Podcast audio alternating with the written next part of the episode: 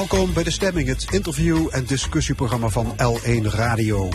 Met vandaag, de komende vier jaar gaat het mes in provinciale subsidies. Helpen LSD en andere psychedelica bij mentale problemen. En onze analist spiritualiteit Guus Prevot met een hommage aan de Canadese Bart Leonard Cohen.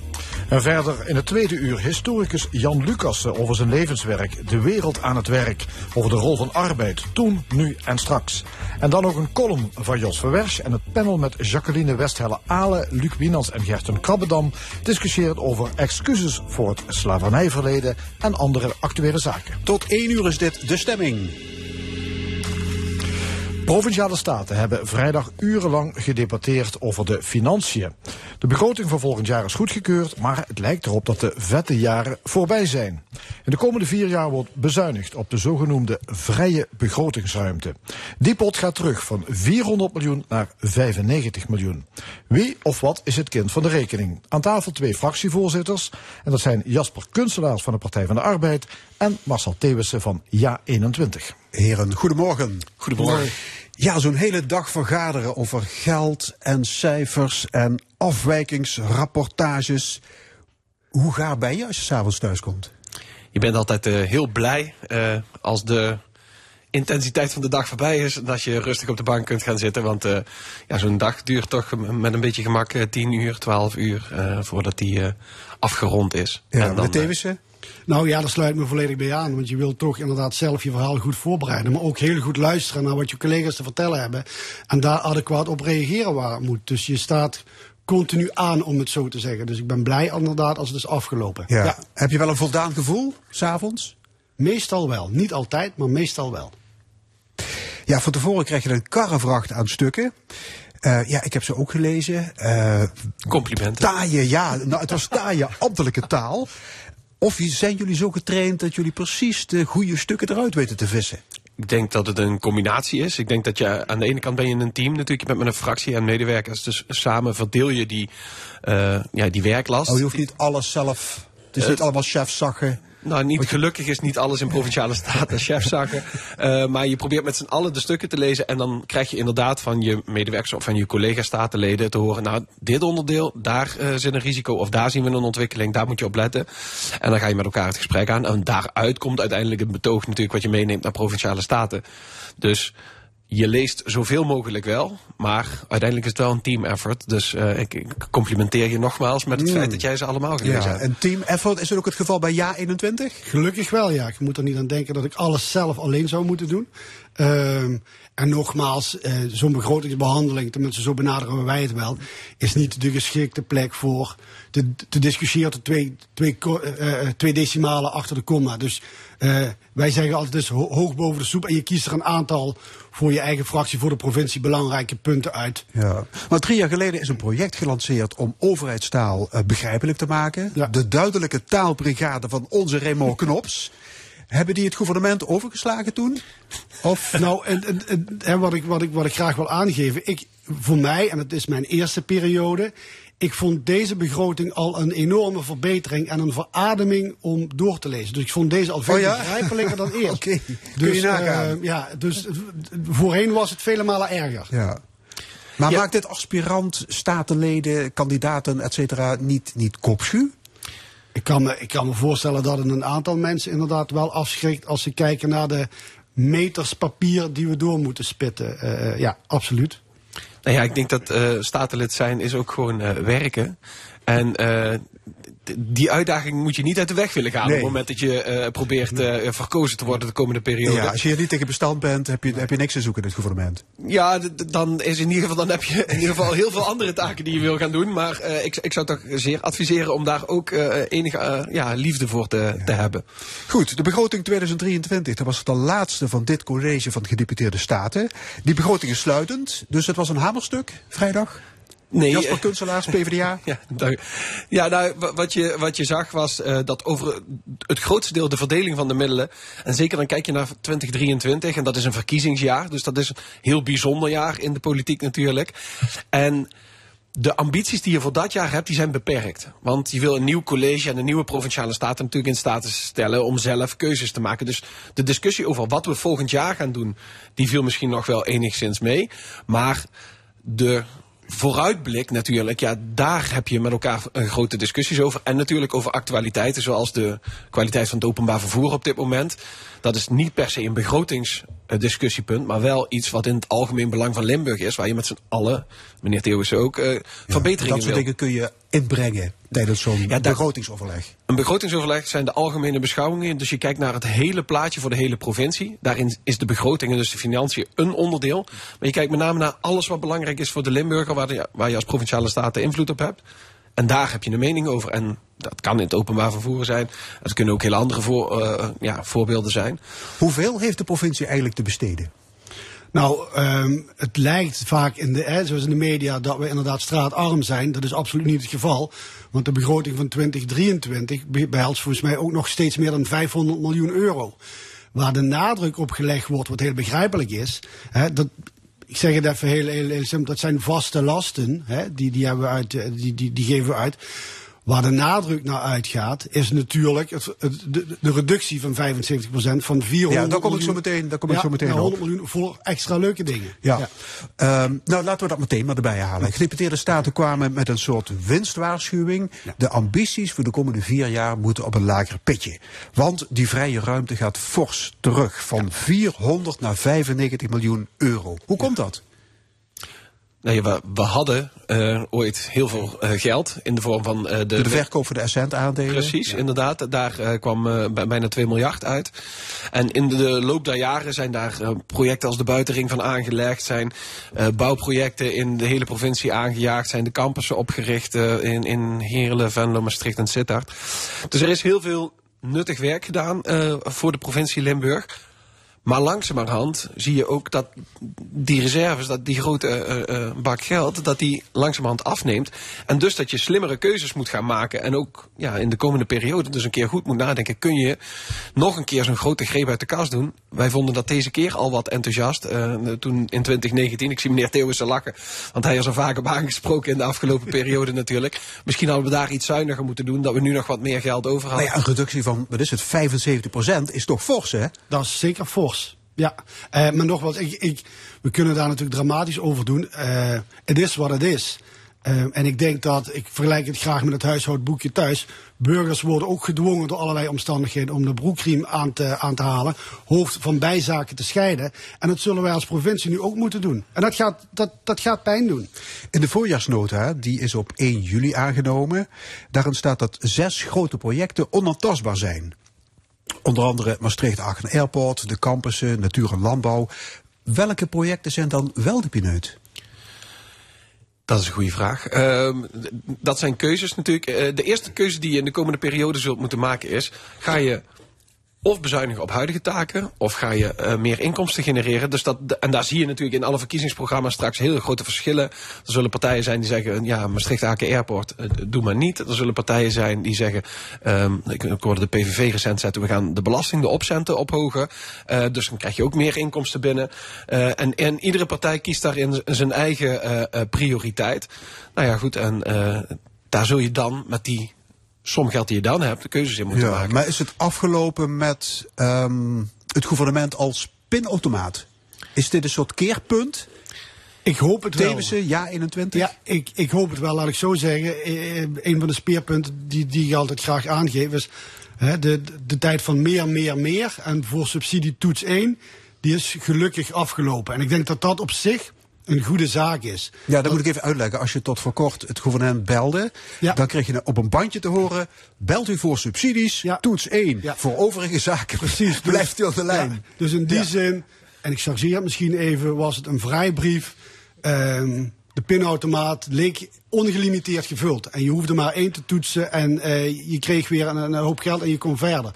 Ik denk dat het belangrijk is dat we eh, kritisch en ook zelf on, onderzoekend gaan kijken. Doen we de goede dingen en doen we die dingen goed? En omdat we een rijke provincie waren en nog steeds zijn. ehm, was er natuurlijk geld om ook extra dingen te gaan doen. En ik denk dat het goed is dat we eens even terug eh, gaan naar waar we überhaupt ons bestaansrecht aan ontleenden. Ja, want dat extra is wel flink uitgedeeld. Ja, hè? precies. De provincie steekt geld in monumentenzorg, in sport, veiligheid, cultuur, ICT, armoede, erfgoed. Er zijn weinig terreinen waar de provincie zich niet mee bemoeit. Jasper, kunstelaars, Ja, PvdA. nee, ik denk is dat, dat- nodig? Ik denk dat de provincie zich, eh, zeker, zeker als je veel geld eh, ophaalt, eh, dat is natuurlijk geld van alle Limburgers.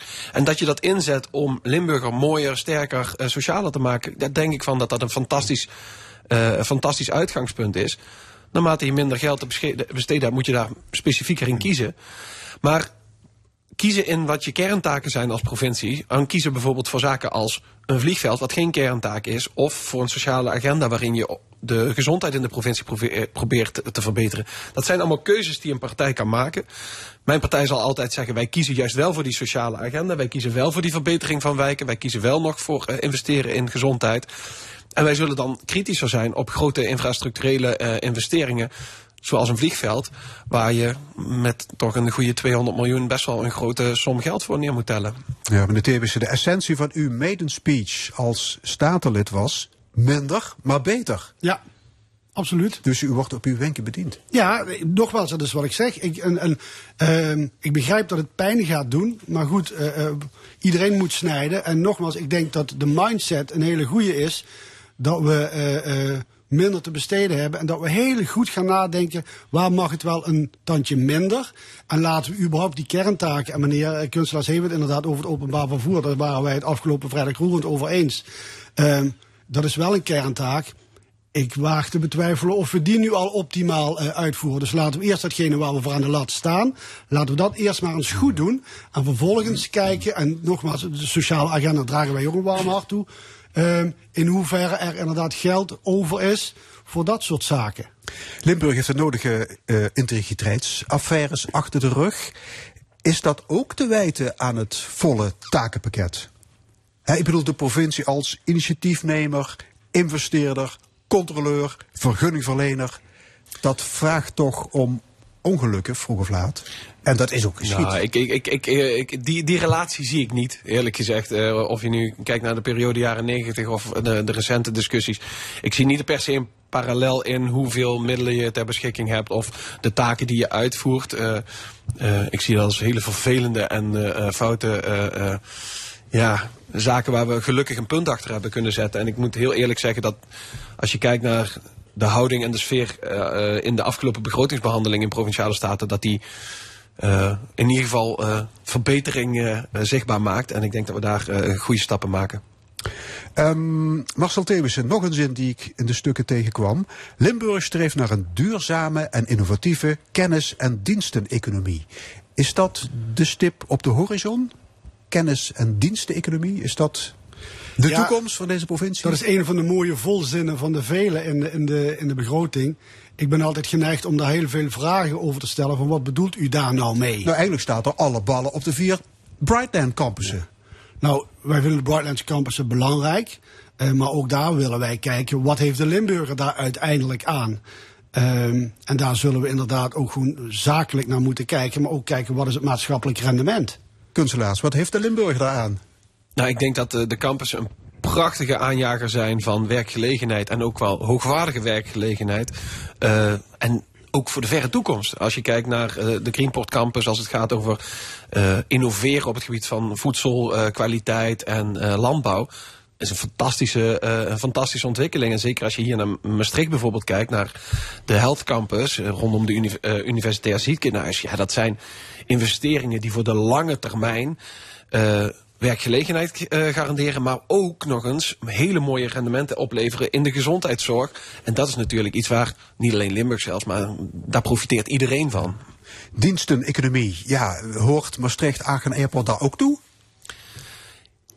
De, dat is een goede vraag. En eh, ik, ik denk, als we heel eerlijk zijn en we kijken naar het vliegtuig en de kosten die het met zich meebrengt voor een provincie. Eh, Daar dat- is al ruim 100 miljoen euro subsidiegeld ingestoken. Ja, zeker. En het is natuurlijk al twee keer teruggegeven aan de markt. eh, en telkens is gebleken dat er niemand in staat is om dat vlie- vliegveld rendabel te exporteren. En de kosten blijven maar op de nek van de Limburgerlanden. En als Partij van de Arbeid, wij zijn altijd vervent voorstander van het aanjagen van werkgelegenheid geweest. En in het verleden, verleden dus ook eh, steungever aan die ontwikkelingen. Maar wij hebben nu ook geconstateerd, dit kan niet langer. Het is veel te duur voor een provincie. Als er iemand het doet, dan uh, ligt die bal bij het Rijk of bij de markt. En wij zouden daar nu mee moeten stoppen, want dat geld is belangrijk. Bijvoorbeeld voor het openbaar vervoer, bijvoorbeeld voor een sociale agenda, bijvoorbeeld voor natuur- en landbouwontwikkeling naar een ja, toekomstbestendige landbouw ook. Uh, dus daar liggen de grote uitdagingen van de provincie. En ja, ik hoop dat we daar ook in de Staten in de komende jaren wel het draagvlak voor krijgen om die kant uit te bewegen. Ja, het uh, subsidie terugsnoeien van 400 naar 95 miljoen is geen kattendrek. Wordt het ook een verkiezingsthema? Nou, de, de besteding van, uh, van het geld natuurlijk wel. Absoluut, hè? want iedereen heeft natuurlijk bepaalde stokpaardjes of bepaalde thema's uh, die, die, die, die belangrijk vindt voor Limburg en voor Nederland. Dus ja, ik bedoel, alles kost uiteindelijk geld. Dus dat wordt vanzelfsprekend in de verkiezingsthema's absoluut meegenomen. Ja, provinciale ja. verkiezingen zijn dit jaar op, of volgend jaar op 15, 15 maart. Komt de campagne al een beetje, een beetje op gang? Nou, um, de ervaring leert dat de, de, de, de, de laatste drie tot zes weken bepalend zijn. En achter de schermen wordt er natuurlijk heel hard gewerkt bij, bij, bij andere partijen, bij ons ook, aan het samenstellen van de, van de, van de kandidatenlijst.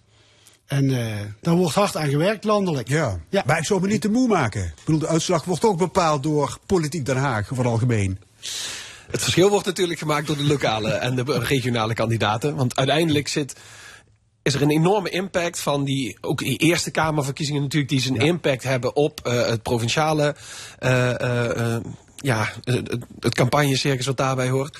Maar wat denk ik het verschil maakt, is daar waar je regionaal een goede kandidaat hebt die aanspreekbaar is, waar mensen naartoe kunnen als ze vragen hebben. En als je dat met een mooie spreiding in de provincie weet te organiseren, met mensen die er zin in hebben en die, die, die het vak verstaan, dan denk ik dat daar die ene zetel of die twee zetels verschil vandaan komen. Ja. En dat is natuurlijk waar het om gaat in een campagne. U bent weer uh, lijsttrekker.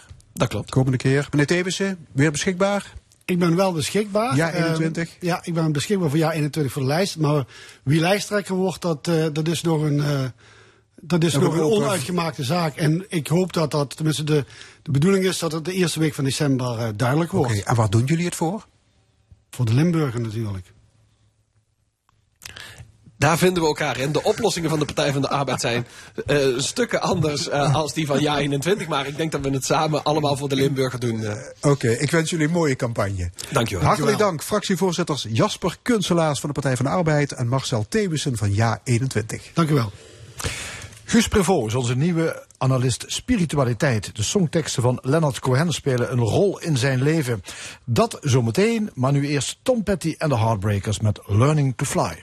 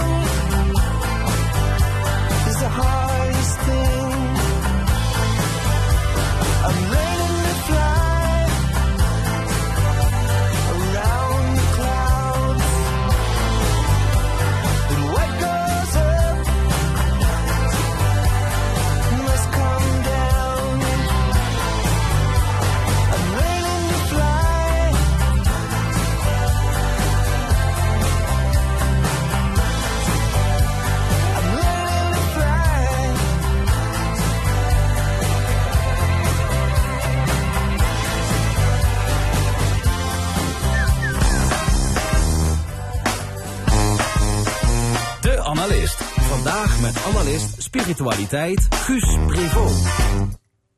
Guus, welkom. Dankjewel. Ja, je hoort hem voor de eerste keer, hè, de Ik hoor jingle. het voor de eerste keer, ja. leuk.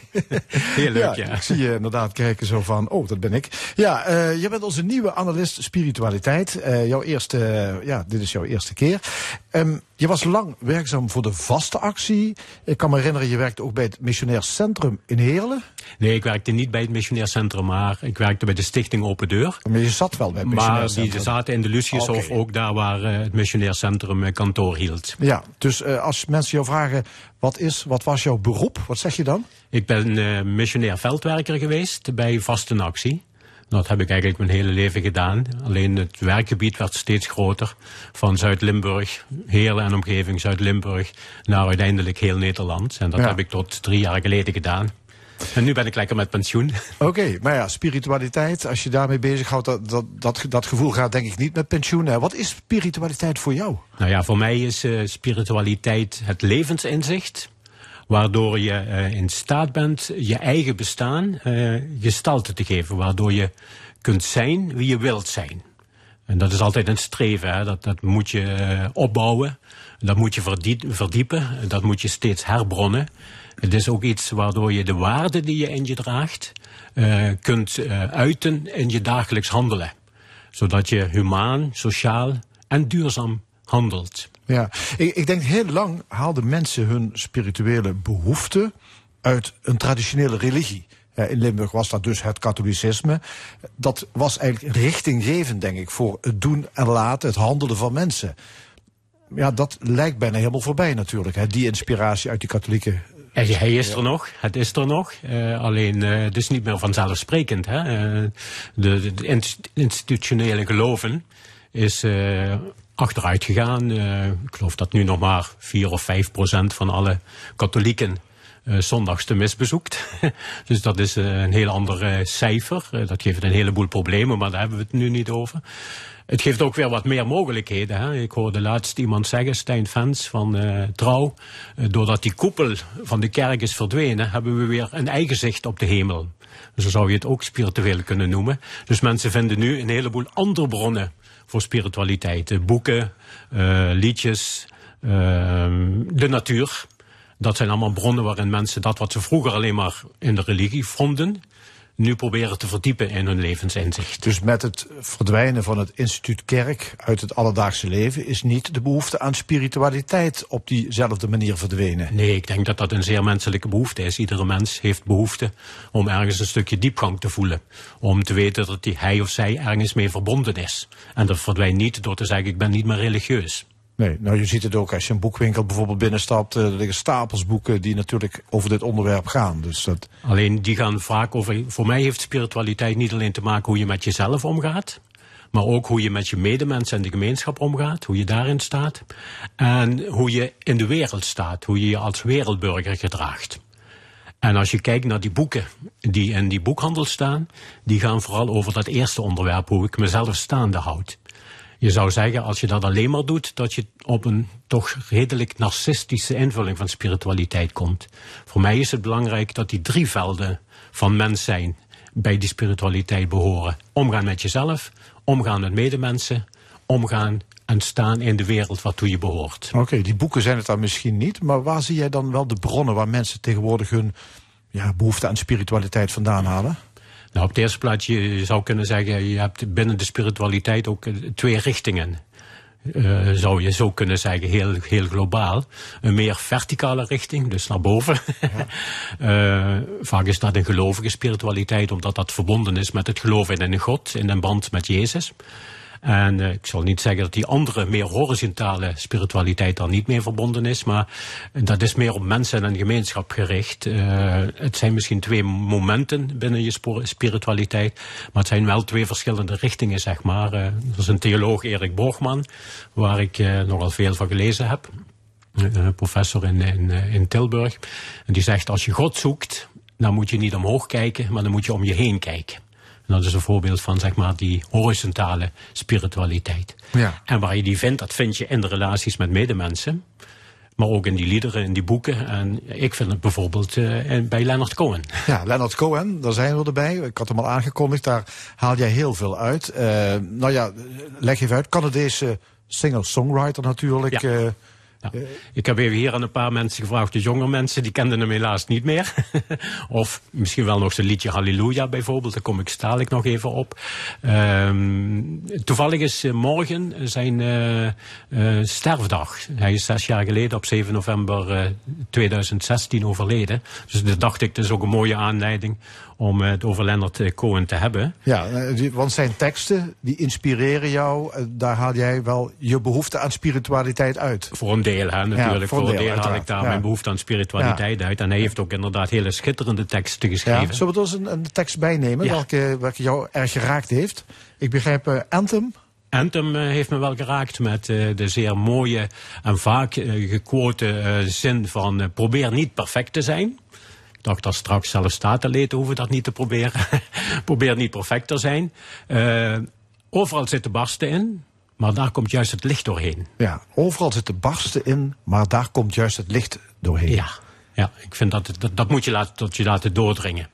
Het heeft natuurlijk een Joodse achtergrond, een, een Joodse mythologie van het licht, het goddelijk licht, dat in de tien kruiken eh, gevangen was.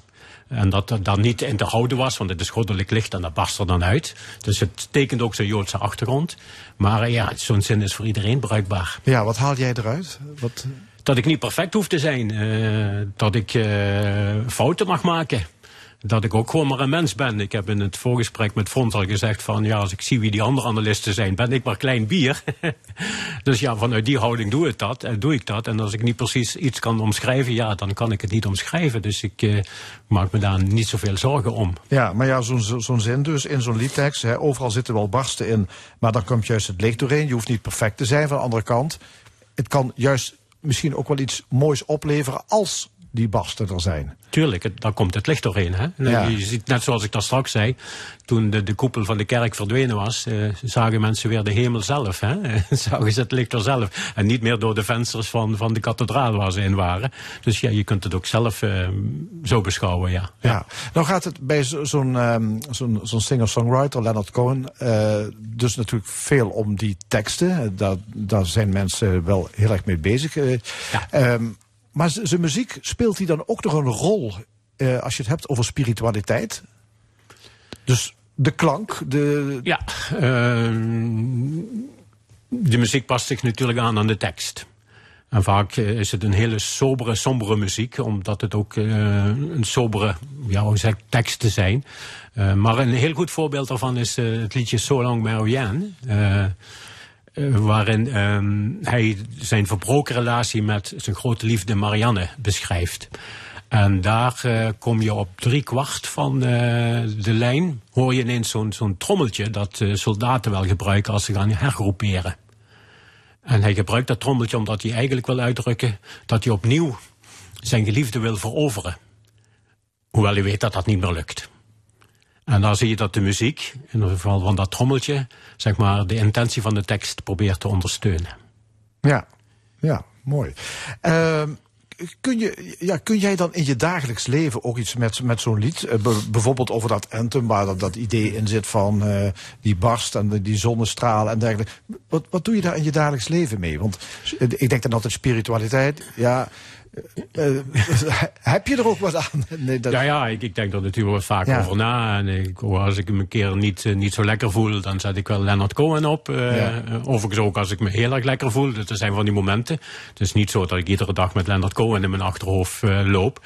Dat nu ook weer niet. Maar ja, het, het gaat ook vanuit een gevoel. En, ik weet niet precies hoe goed ik dat moet schrij- om, omschrijven. Dus... ja. eh, ja, het heeft ook, zoals dat liedje Halleluja, eigenlijk wel zijn meest bekende lied. Ehm, dat hij overigens in 1984 heeft uitgebracht. En dat jarenlang eh, ergens op de plank heeft gelegen. Alleen maar de echte Leonard Cohen-kenners kenden het. Jeff Buckley heeft het gecoverd. eh, John Cage heeft het gecoverd. Had ook verder geen succes dat het bekender werd. John Cale. John Cale, sorry ja. Pas toen eh, een, een- een Alexandra Björk, als ik dat goed uitspreek, of Burk, eh, in eh, 2008 eh, de X-Factor mee won. eh, op de Britse tv. Toen heeft het grote bekendheid gekregen. En dan stond het ineens met drie edities in, in de top 20 of de top 40, hoe, hoe dat heet. Dan is iedereen het gaan coveren. En het is nu het meest gecoverde lied wereldwijd. eh. en dat geeft iets aan. En dat is denk ik ook wat ik in mijn eigen levenshouding wat probeer uit te dragen, te voelen. Dat in iedere omstandigheid het heeft met spiritualiteit te maken. Of als je het gelovig invult, heeft iets te maken met je relatie met God. Niet alleen de mooie, maar ook de minder mooie eh, zaken. Zoals Dirk de Wachter zegt van eh, eh, als je een liefdesrelatie hebt. En dan, eh, ja, een liefdesrelatie is eigenlijk, dan moet ik heel even spieken. Eh, liefde is van elkaar houden, ondanks elkaar. Want iedere liefdesrelatie heeft goede momenten, dat je je samen in de hemel waagt, waant. Of heeft slechte momenten, dat je als het ware samen, ik hoorde net nog dat liedje Rotje van Roger Whittaker, wat jullie collega daar straks gedraaid heeft, dat je samen naar de hel inkijkt.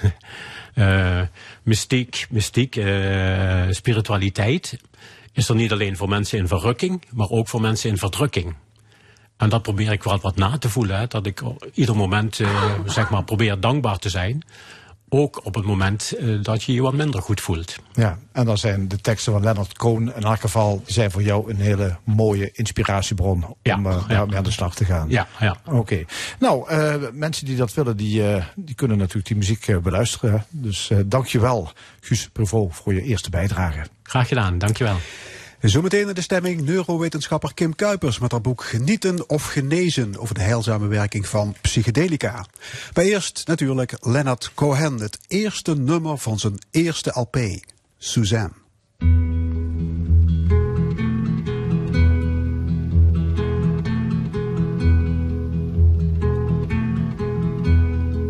Suzanne takes you down to her place near the river.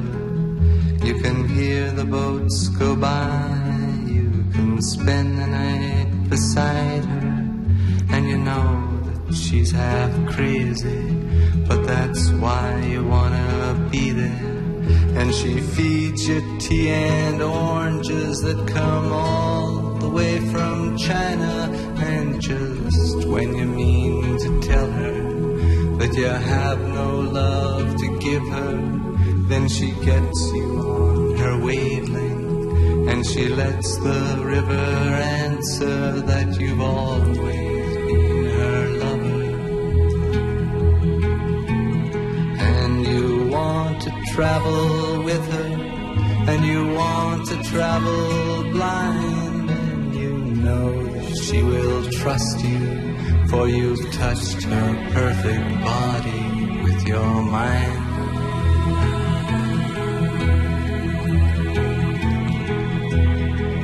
And Jesus was a sailor when he walked upon the water. And he spent a long time watching from his lonely wooden tower. And when he knew for certain only drowning men could see him, he said, All men will be sailors then until the sea shall free them. But he himself was broken long before the sky would open, forsaken, almost human. He sank beneath your wisdom like a stone.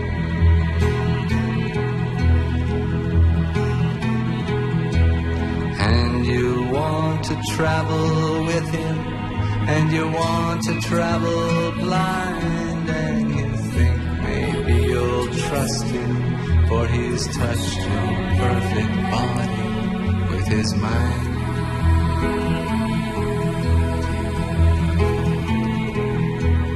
Now Suzanne takes your hand and she leads you to the river.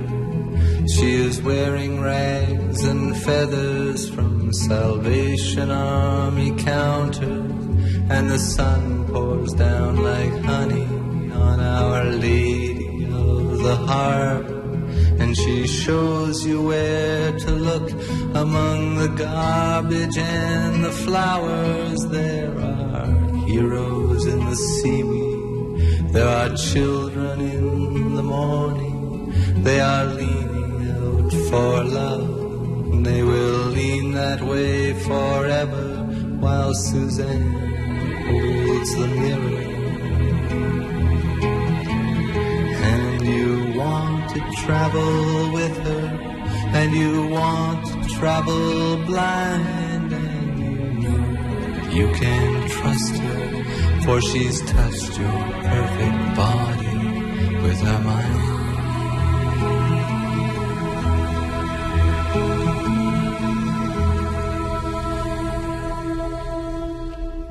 Leonard Cohen met Suzanne. Veel mensen kampen met mentale problemen, met depressie, angststoornissen en ander geestelijk ongemak. Antidepressiva worden vaak door huisartsen royaal voorgeschreven. Volgens onderzoeker Kim Kuipers kunnen ook zogenoemde psychedelica helpen om de klachten te verlichten. Ze doet al jarenlang onderzoek naar de helende kracht van LSD, MDMA, ketamine en ayahuasca. In hoeverre kunnen drugs de levenskwaliteit van mensen verbeteren? Ze schreef er een boek over genieten of genezen. Bij ons neurowetenschapper Kim Kuipers. Ja, goedemorgen. Goedemorgen. Ehm, ja, depressieve mensen, kunnen die door gebruik van psychedelische drugs weer hun levensgeluk terugvinden? Nu moet ik heel voorzichtig zijn in hoe ik dat ga zeggen.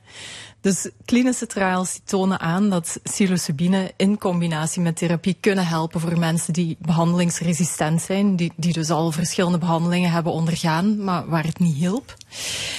Ehm, raad ik het aan voor mensen? Nee, dat kan ik niet aanraden, want psilocybine is momenteel nog een verboden middel. Mensen Ja. kunnen het niet op een legale manier krijgen, dus ik kan niet zeggen van, ja, eh, het, het eh, ja, ga en gebruik het. Nee. Nee.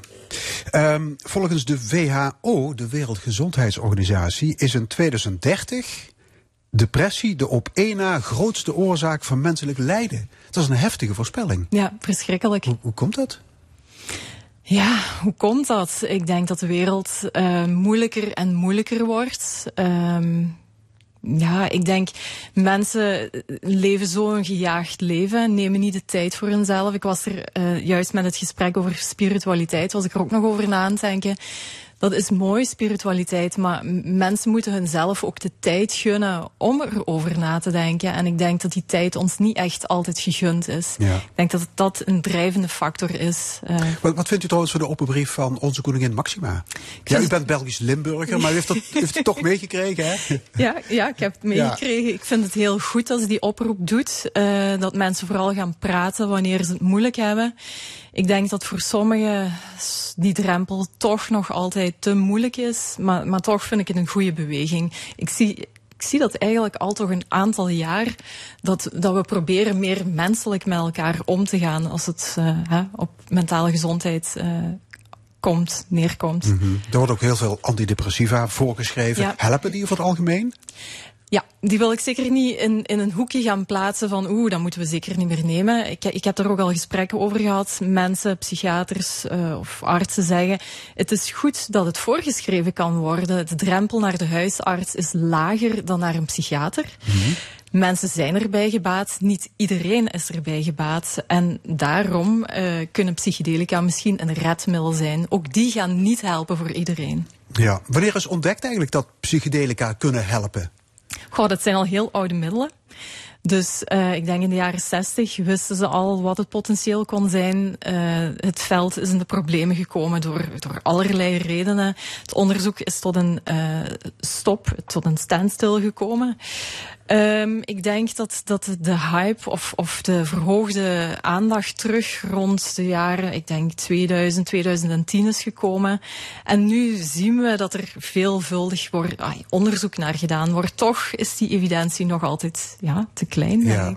Laten we even inzoomen op die eh, psychedelica. Ja. Je hebt het klassieke spul, zoals paddo's en LSD en ayahuasca. LSD was vooral in de jaren 60 populair. Hè? Ja, dat werd toen ook. Ja, Ja. recreatief gebruikt, om het zo maar te zeggen. Ja, klopt. Maar Terwijl- er was ook een bedrijf, Sandos, eh, wat het produceerde en aan onderzoekers gaf. Oké, en wat, wat, wat is eigenlijk de heilzame stof Eh bedoelt het, het actieve van, van middel? LSD? Precies, ja. Is het, is Ja. het iets chemisch? Eh, LSD is chemisch. Het werkt op eh, ons neurotransmittersysteem, dus gewoon op een systeem in onze hersenen. Het gaat ehm, ja, vooral op het serotoninesysteem werken, waar antidepressiva ook op werken, maar net op een andere manier. Als u wil weten hoe het precies werkt, daar zijn we nog niet over Nee, uit. Eh, er zijn theorieën over dat het uh, het cognitief flexibel denken kan verbeteren. Mensen met depressie die denken in rigide patronen, het is slecht, alles is negatief. Psychedelica kunnen die box openbreken, waardoor mensen andere associaties kunnen gaan leggen. Ja, en dan heb je ayahuasca, een thee uit de Amazone. Die wordt gedronken in ceremoniële sessies. Ja. Wat, wat is het effect? Ik zou zeggen, het, het, bij klassieke psychedelica ligt dat allemaal zowat in hetzelfde straatje. Nu, bij ayahuasca komt die ceremonie ook nog te kijken, wat ook uh, volgens mij helende krachten heeft. Het is niet alleen de thee, niet alleen het chemische of het natuurlijk uh, middel wat het gaat doen, maar het is ook de verbondenheid wat het gaat creëren. Uh, het is de muziek die daar gespeeld wordt, wat ook een stuk van het helingsproces kan zijn. Maar voor ayahuasca moet ik wel zeggen, ik denk dat dat, ik, ik zie een ik zie een toekomst voor al die middelen, maar ik denk dat het voor ayahuasca misschien iets langer gaat duren, omdat daar, um, ja, wat ik nu zie, zijn er nog niet heel veel bedrijven die het maken. Mm -hmm. dus, ja, verder heb je nog MDMA, je hebt ja. ketamine. Ja. Maar het punt is dat al die producten vallen onder de opiumwet. Niet alle producten, dus, ketamine niet. En nee, dat okay. is een uh, goedgekeurd geneesmiddel. Ja, ja maar, maar, de rest is verboden. Moet, moet dat anders? Oh, dat is een hele moeilijke vraag. Uh, dan is de vraag van, moet het gelegaliseerd worden? Ik denk voor nu, om het als geneesmiddel goedgekeurd te krijgen, volgens mij niet. Uh, maar dan moeten we voldoen aan ja, bepaalde eisen. Als iemand het wil gaan voorschrijven, het zal het proces vergemakkelijken. Um, bij MDMA bijvoorbeeld, u bent er niet voor om dat een harddrug te blijven noemen? Oh, nee. Oh. Als ik dan kijk van cannabis noemen ze een softdrug, MDMA harddrug. Waarom? Cannabis kan ook verslavend zijn. Uh, ik, we moeten meer gaan kijken, in, in, hè, als we dan naar kijken hoe het in Amerika uh, genoemd wordt. MDMA heeft geen medicinaal potentieel, is erg verslavend. Nee, dat is niet waar. Het is niet hoog verslavend. Uh, natuurlijk kan het tot een psychische afhankelijkheid leiden. Bij sommige mensen ga ik niet ontkennen. Maar we moeten het echt gaan bekijken in een therapeutische setting, waar mensen het gecontroleerd gaan gebruiken. En dan is het volgens mij een, een veilig middel. Ja, maar dat is natuurlijk wel de hamvraag. Hè? Zijn de stoffen in die middelen een bedreiging voor de volksgezondheid? Of hebben ze een medicinale werking? Ja, ik denk, ja. ja het kan een bedreiging vormen. Ook ketamine kan een bedreiging vormen. Er zijn mensen die daaraan verslaafd zijn. Maar het gaat echt puur om de context waarin het gaat aangeboden worden. Um, in een therapeutische context. En dan is dat uh, vraagstuk van de legalisering is een heel moeilijke. Van mijn titel ook genieten of genezen. Mhm. Sommige mensen zeggen nee, het moet genieten en genezen zijn, want waarom kunnen we niet genieten van die stoffen? Voor mij is het nu eh, mijn, hoe moet ik dat zeggen? Wij, wij moeten ons nu gaan focussen op het genezen. Mensen eh, op dat spoor zetten. Het, het heeft heilzame eh, mogelijkheden. En dat genieten, ja, laat dat maar aan andere mensen over om daarover te discussiëren. U stelt zelf de vraag in het boek: in welk stadium zitten we nu? En dan geeft u als antwoord: het bewijs is voorlopig. Dus Ja. er is nog meer wetenschappelijk onderzoek nodig. Dat, ja, dat heb ik gezegd omdat eh, de studies die er momenteel zijn, zijn gedaan in kleine steekproeven. 20 mensen, eh 30, 40 mensen. Recent is er een hele grote studie afgerond met 233 depressieve patiënten. Die studie heeft aangetoond eh, dat psilocybine in combinatie met therapie echt wel kan helpen voor de depressieven. Ik, ik noem het voorlopig omdat het, ja, wat ik zeg, kleine steekproeven. Het bewijs is er, maar er moet nog meer evidentie komen om overtuigend te zijn. En die psychostoffen die helpen niet alleen bij depressies, maar ook bij stotteren, bij migraine, tinnitus, Parkinson, Alzheimer. Kortom, wondermiddel. Nee, zou ik niet zeggen. Inderdaad, mensen gebruiken het voor heel wat verschillende redenen. Ik denk dat het aan ons wetenschappers is om nu net te ontdekken waarom helpt het bij al die verschillende stoornissen. En er zal wel een onderliggend mechanisme zijn waar ze op ingrijpen. En dan is het ja, begrijpen van hoe we die middelen moeten gaan gebruiken en, en, en voor wie, bij wie. Ja. U noemde er straks al even cannabis. Hè? Dan hebben we het over wiet en, en, en, en hennep, hashish. De meest gebruikte illegale drug ter wereld. U wil zeggen dat alcohol de meest gebruikte legale drug ter wereld is? Ja, dat dacht ik al. U noemt cannabis een wolf in schaapskleren. Ja. Wat is het geniepige? Ik denk, en daar hadden we het juist al over, het, we noemen het een softdrug. Waarin verschilt het van MDMA of andere stoffen? Mensen raken ook verslaafd aan cannabis. Vanwege ik dat hoge THC-gehalte? Ja, dat is verhoogd over de jaren. Eh, ik weet niet of dat de reden is. Ehm, maar ik, ik wil gewoon even mensen eh, wakker schudden. Want het wordt gedoogd, cannabis. Is het omdat het gedoogd wordt dat het daarom een veilige stof is? Ik weet het niet. Is het omdat iets legaal genoemd wordt dat het veilig is? Hè? Het voorbeeld van alcohol. Dus we moeten gewoon op, op een objectieve manier gaan praten over de positieve, maar ook over de negatieve effecten van stoffen. Dat is eigenlijk mijn doel met het boek. Ja, in het boek zegt u dat de middelen zelf, ja, die maak je niet beter. Hè? Het is geen quick fix.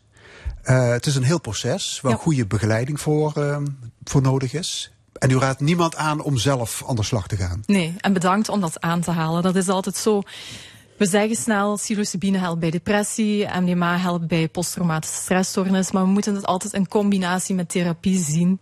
Het is niet eh, dat wanneer, je die pil neemt, dat, dat er opeens een openbaring is en dat je eh, zingend en springend door het leven gaat gaan. Voor de meeste mensen zal er toch nog wel, dat is de start van een, een verwerkingsproces, om te kijken van hoe kan ik die nieuwe inzichten nu gaan verwerken in mijn leven. En hoe kan ik anders gaan leven? Ja. Moet u op ehm, verjaardagen en feestjes vaak in de verdediging schieten? Oh, ik moet eerlijk zeggen, ik praat niet zo heel veel over mijn werk. Ehm, maar als we het erover hebben, nee, ik denk, het, het, het wordt gewoon eh, ja, aangenomen. Ja, Mensen vragen niet meteen of u ervaringsdeskundige bent. Ja, dat vragen ze wel, ja. Oh, u heeft een bloedhekel aan die vraag, hè? Ik had hem ook niet durven, durven stellen. Ze- mag gesteld worden, Ja. maar ik ga er niet op antwoorden. Want ik vind dat de wetenschap moet primeren. Het gaat niet om, om een bepaalde ervaring. Dat heb ik ook in mijn boek. Ik, ik heb niet één ervaring willen beschrijven per stof. Ik heb ook verwezen naar fora waar mensen hun ervaringen beschrijven, omdat het iets persoonlijk is. En dat denk ik ook dat, dat mensen moeten weten. Het kan op andere manieren ervaren worden. In het slotwoord hoopt u dat angst plaats maakt voor, plaats maakt voor nieuwsgierigheid. Het stigma moet eraf. Ja. Ehm, ja, wie moet zich daarvoor inzetten? Ja, ik hoop dat ik via mijn boek dat al een beetje kan doen. Ik hoop dat uh, we zijn laatst uh, hadden we een ronde tafelgesprek in de Tweede Kamer. Hebben we met politici kunnen praten. Ze stonden er ook voor open voor deze middelen. Ik denk dat zij ook een belangrijke rol gaan spelen. Ik zie een rol voor scholen. Ik haal ook aan dat mijn zoon soms schrikt als hij drugs hoort. Dat vind ik erg. Mm. Uh, we moeten er meer open met elkaar over kunnen praten. En niet, ja, niet angstvallig.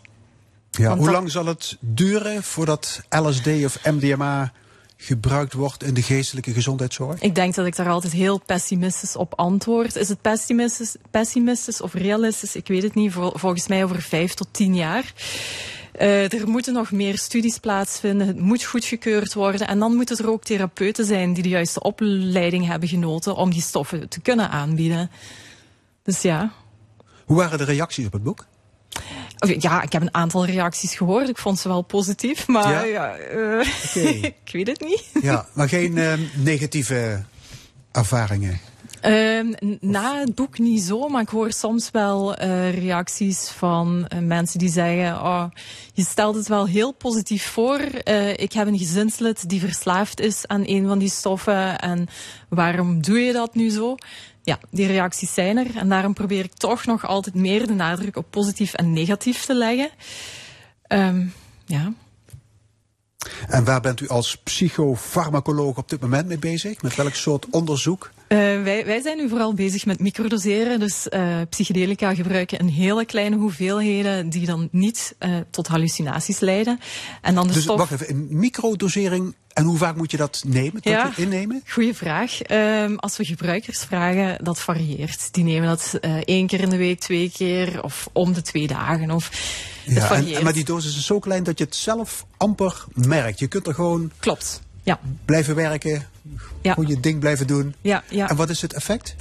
Eh, als we mensen vragen van waarom neem je het, neem het tegen depressie, eh, hetzelfde verhaal als, als eh, eh, de grote hoeveelheden. Wij gaan onderzoek doen naar of het helpt bij de ADHD. Kim Kuipers, hartelijk dank. Het boek Genieten of Genezen is verschenen bij uitgeverij Prometheus. Dank u. En na 12 uur in de stemming historicus Jan Lucassen over zijn levenswerk. Het boek De Wereld en het Werk. Een studie over de werkende mens door de eeuwen heen. Een paar voor jou, een paar voor je kids of gewoon twee paar voor jezelf. Wat je ook kiest, bij Deurlinger krijg je op elk tweede paar schoenen nu 50% korting. Kom langs in onze winkels of shop online. Deurlinger. Blije voeten, blije mensen. De eerste keer was het echt een drempel overgaan. Je komt in een groepstraject terecht met allemaal mensen die hetzelfde hebben. Het is echt een hele grote kracht geweest. Nederlandse Obesitaskliniek. Schrijf je in voor de gratis voorlichting. Welke schoenen passen bij jou? Deurlinger. Blije voeten, blije mensen. Bij IKEA snappen we heel goed hoe je van je huis je thuis kan maken. Zo hebben we handige opberglades voor onder je bed, waar je als sneakerfreak zo'n 10 paar sneakers in wegsneakt. IKEA, een wereld aan ideeën. Van mini-tractoren tot grondverzetmachines, hoogwerkers en verrijkers. Met Bosmans Machines wordt je werk makkelijker. Huur, koop of lease. Supersnel geleverd uit ons ruime assortiment. Niks leveren, snel leveren. Kijk op bosmansmachines.nl Wat is het hier mooi. Een rustplaats midden in de natuur. Stil, fijn, puur. We komen hier graag. Het doet me goed.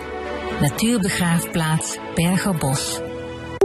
Een machine huren voor jouw klus? Je regelt het snel op bosmansmachines.nl November wordt een heel bijzondere maand. Want naast de jackpot van 12,6 miljoen netto... maak je alleen deze maand ook nog eens kans... op een van de 25 BMW's iX3. Je hebt nog vier dagen om een staatslot te kopen. In de winkel of op staatsloterij.nl. De tiende kan het gebeuren. Staatsloterij. Een spel van Nederlandse Loterij. Speel bewust 18+. Plus. Shop waanzinnige deals tijdens de Weekamp One Half Days. Zoals de Oral-B Duo tandenborstel van 259 voor 99 euro. En bestel je vandaag, dan heb je het morgen in huis. De Weekamp One Half Days. Laat maar komen. Alles wordt duurder, maar niet bij toelevering online. Wij verlagen de prijzen van kunststof en aluminium maatwerkkozijnen. Bestel simpel en snel op toeleveringonline.nl. Boodschappen steeds duurder? Niet bij Netorama, de goedkoopste supermarkt van Nederland. En hoe meer je haalt, hoe minder je betaalt. Want bij aankoop van twee of drie stuks krijg je altijd 10% extra kassakorting op meer dan 2500 merkartikelen. Netorama. Netorama. De aller, allergoedkoopste. Netorama, merkendiscount. Kunststof kozijnen nu 11% in prijs verlaagd. Toeleveringonline.nl. Wil je er met carnaval kleurrijk bij lopen? Schrijf je dan nu in voor onze schminkworkshop in Weert. Bekijk ons uitgebreide lesaanbod en de actuele cursusagenda. Schminkspecialist.nl Dit is L1 met het nieuws van 12 uur. Dit is Jeroen Tjepkema met het NOS Journaal. Op het strand aan de oostkant van Terschelling is vanochtend een lichaam gevonden. De politie onderzoekt of het gaat om een van de twee vermisten van de aanvaring tussen een veerboot en een watertaxi. Dat ongeluk was twee weken geleden bij Terschelling. De twee mensen die worden vermist zijn een man van 49 en een kind van 12. Direct na het ongeluk werden al twee slachtoffers gevonden. De oorzaak van het ongeluk is nog onduidelijk. De politie en de Onderzoeksraad voor Veiligheid doen daar onderzoek naar. De nieuwe Zweedse regering neemt afstand van de Koerdische IPG-militie. Het land hoopt daarmee de goedkeuring van Turkije te krijgen voor toetreding tot de NAVO. De IPG-militie is jarenlang gesteund door Zweden, maar ook door NAVO-landen... omdat de militie streed tegen islamitische staat. Maar Turkije ziet de groepering als een vertakking van de Koerdische PKK... die door Turkije, de VS en de EU is aangemerkt als een terroristische organisatie.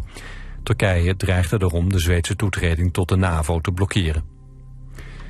In het Victoriameer in Tanzania is een vliegtuig in slecht weer neergestort. Dat gebeurde volgens Tanzaniaanse media toen het toestel probeerde te landen op de luchthaven van Bukoba, een stad die aan het meer ligt. Het toestel van maatschappij Precision Air maakte een binnenlandse vlucht. Er zouden zo'n 50 mensen aan boord zijn geweest, van wie er tot nu toe 15 zijn gered. Het is nog niet bekend of er doden zijn. Op het strand bij Petten is vannacht korte tijd een walrus gezien. Volgens het zeehondencentrum Pieter Buren is het waarschijnlijk een jong volwassen mannetje dat in goede conditie zou zijn. Als het dier weer op het strand komt, wil het zeehondencentrum dat graag weten. En ook wordt aan mensen gevraagd aan afstand te houden en de walrus met rust te laten. Vorig jaar dook ook al een walrus op in de Waddenzee. Het weer vanmiddag overal regen. Het wordt maximaal 12 graden. In de kustgebieden is de wind vrij krachtig tot hard. Vanavond en vannacht trekken buien over het land. Ook morgen buien. In het zuiden later weer wat zon. En het wordt morgen 14 à 15 graden. Dit was het NOS Journaal. Obamacare is er voor mensen met een kwetsbare gezondheid en geheugenproblemen. Wonen met hoogst persoonlijke zorg en aandacht. Obamacare.nl Gezellig eten met het gezin, een borrel met vrienden of aanschuiven bij een spelletje. Bij Berden hebben we altijd de juiste tafel. Bezoek een van onze woonwinkels of kijk op berden.nl, zodat het straks goed tafelen is. Op zoek naar de perfecte badkamer en volop keuze en de mooiste merken en uitsluitend de beste materialen en vanzelfsprekend de beste installateurs? Kom naar Bad Body.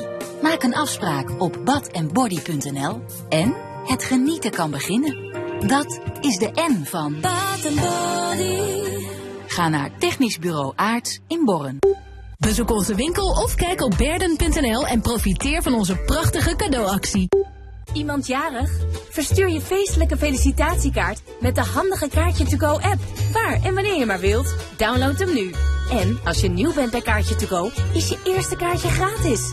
Kaartje To Go, de leukste kaarten, maak je zo. Daar wordt op het raam geklopt, hard geklopt, zacht geklopt. Hé, hey, ik zie dat hier nog geen verlanglijstposter hangt. Kom kinderen, help de Sint een handje. Plak al je cadeauwensen op de verlanglijstposter. Dan kan Sint ze scannen met de app van bol.com. De winkel van blije koppies. Die ga jij verrassen met een verjaardagskaart van Kaartje To Go? Stuur je eerste kaartje gratis. Word nu Maasmechelen Village member en ontvang je persoonlijke code voor 20% korting op de outletprijs. Schrijf je nu in op maasmechelenvillage.com. Beleef vandaag nog de leukste bestemmingen van Duitsland. Op de grote vakantie- en vrije tijdsbeurs Roer in Westfield Centro. En vandaag is Koopzondag. De winkels in Europa's grootste vrije tijds- en shoppingcenter zijn al van 1 tot 6 geopend. Nu, bij Beter Horen, de Ampli Energy P. Gekozen product van het jaar met extra voordeel. Maak nu een afspraak. Dit betreft een toestel uit het topsegment dat zorgverzekeraars meestal niet vergoeden. Wij werken volgens het hoorprotocol. Zie actievoorwaarden op beterhoren.nl. Op 11 november is de Christmas opening in Westfield Centro. Dan start de grote kerstmarkt. Dit is de zondag van L1.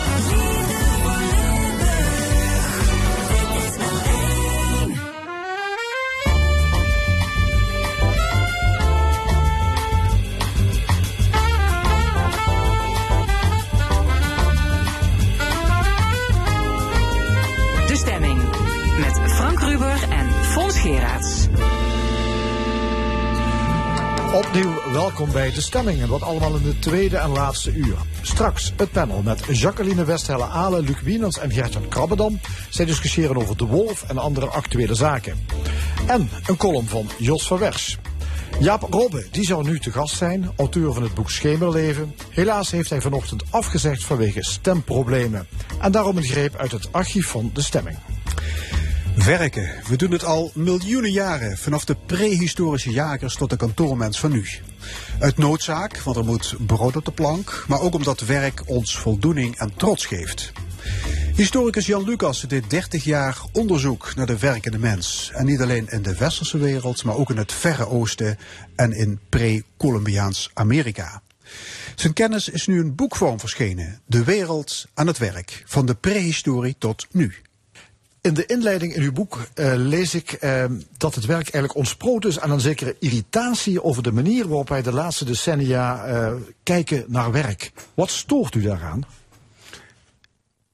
Een van de, van de redenen dat ik inderdaad dit boek geschreven heb, is dat ik de laatste tientallen jaren een eenzijdige nadruk hoor in, in de media op het zelfstandig werken. Hè. De uh, ZZP'er um, die zou de toekomst hebben. We zouden allemaal kleine of grote zelfstandigen worden. Ja, grote natuurlijk niet, want dan heb je werknemers nodig en die zouden juist weer niet meer hoeven te zijn. Met andere woorden, het ideaal van de kleine, uh, van de uh, kleine ondernemer die zijn eigen toekomst bepaalt en daarmee een ver, uh, veronachtzaming en ook een, eigenlijk een minachting voor mensen die, zoals het dan wordt voorgesteld, ja, maar duf loonwerk verrichten. Terwijl verreweg de meeste van ons dat doen. Ik, ik heb geen enkel bezwaar tegen zelfstandig ondernemen. Maar het is maar weinigen van ons gegeven om dat met succes te doen. Uh, en met andere woorden, de realiteit is, zeker in de moderne samenleving, dat verreweg de meeste mensen in een uh, loonbetrekking zijn. En die kun je niet zomaar wegzetten. En daarom heb ik onder andere, daarom heb ik me afgevraagd, waar komt dat nou vandaan? Ons kijken op werk, welk soort werk waarderen we nou wel en welk niet? Wat vinden we belangrijk? Waar is het vandaan gekomen? Ja, beschouwt u het boek hier als uw magnum opus? Um, nou ja, ik ben 74. Ja, 400, en, uh, 400 pagina's. Uh, ja, tientallen pagina's. En uh, het is demografisch niet zo waarschijnlijk dat ik nog een paar van die dikke boeken schrijf.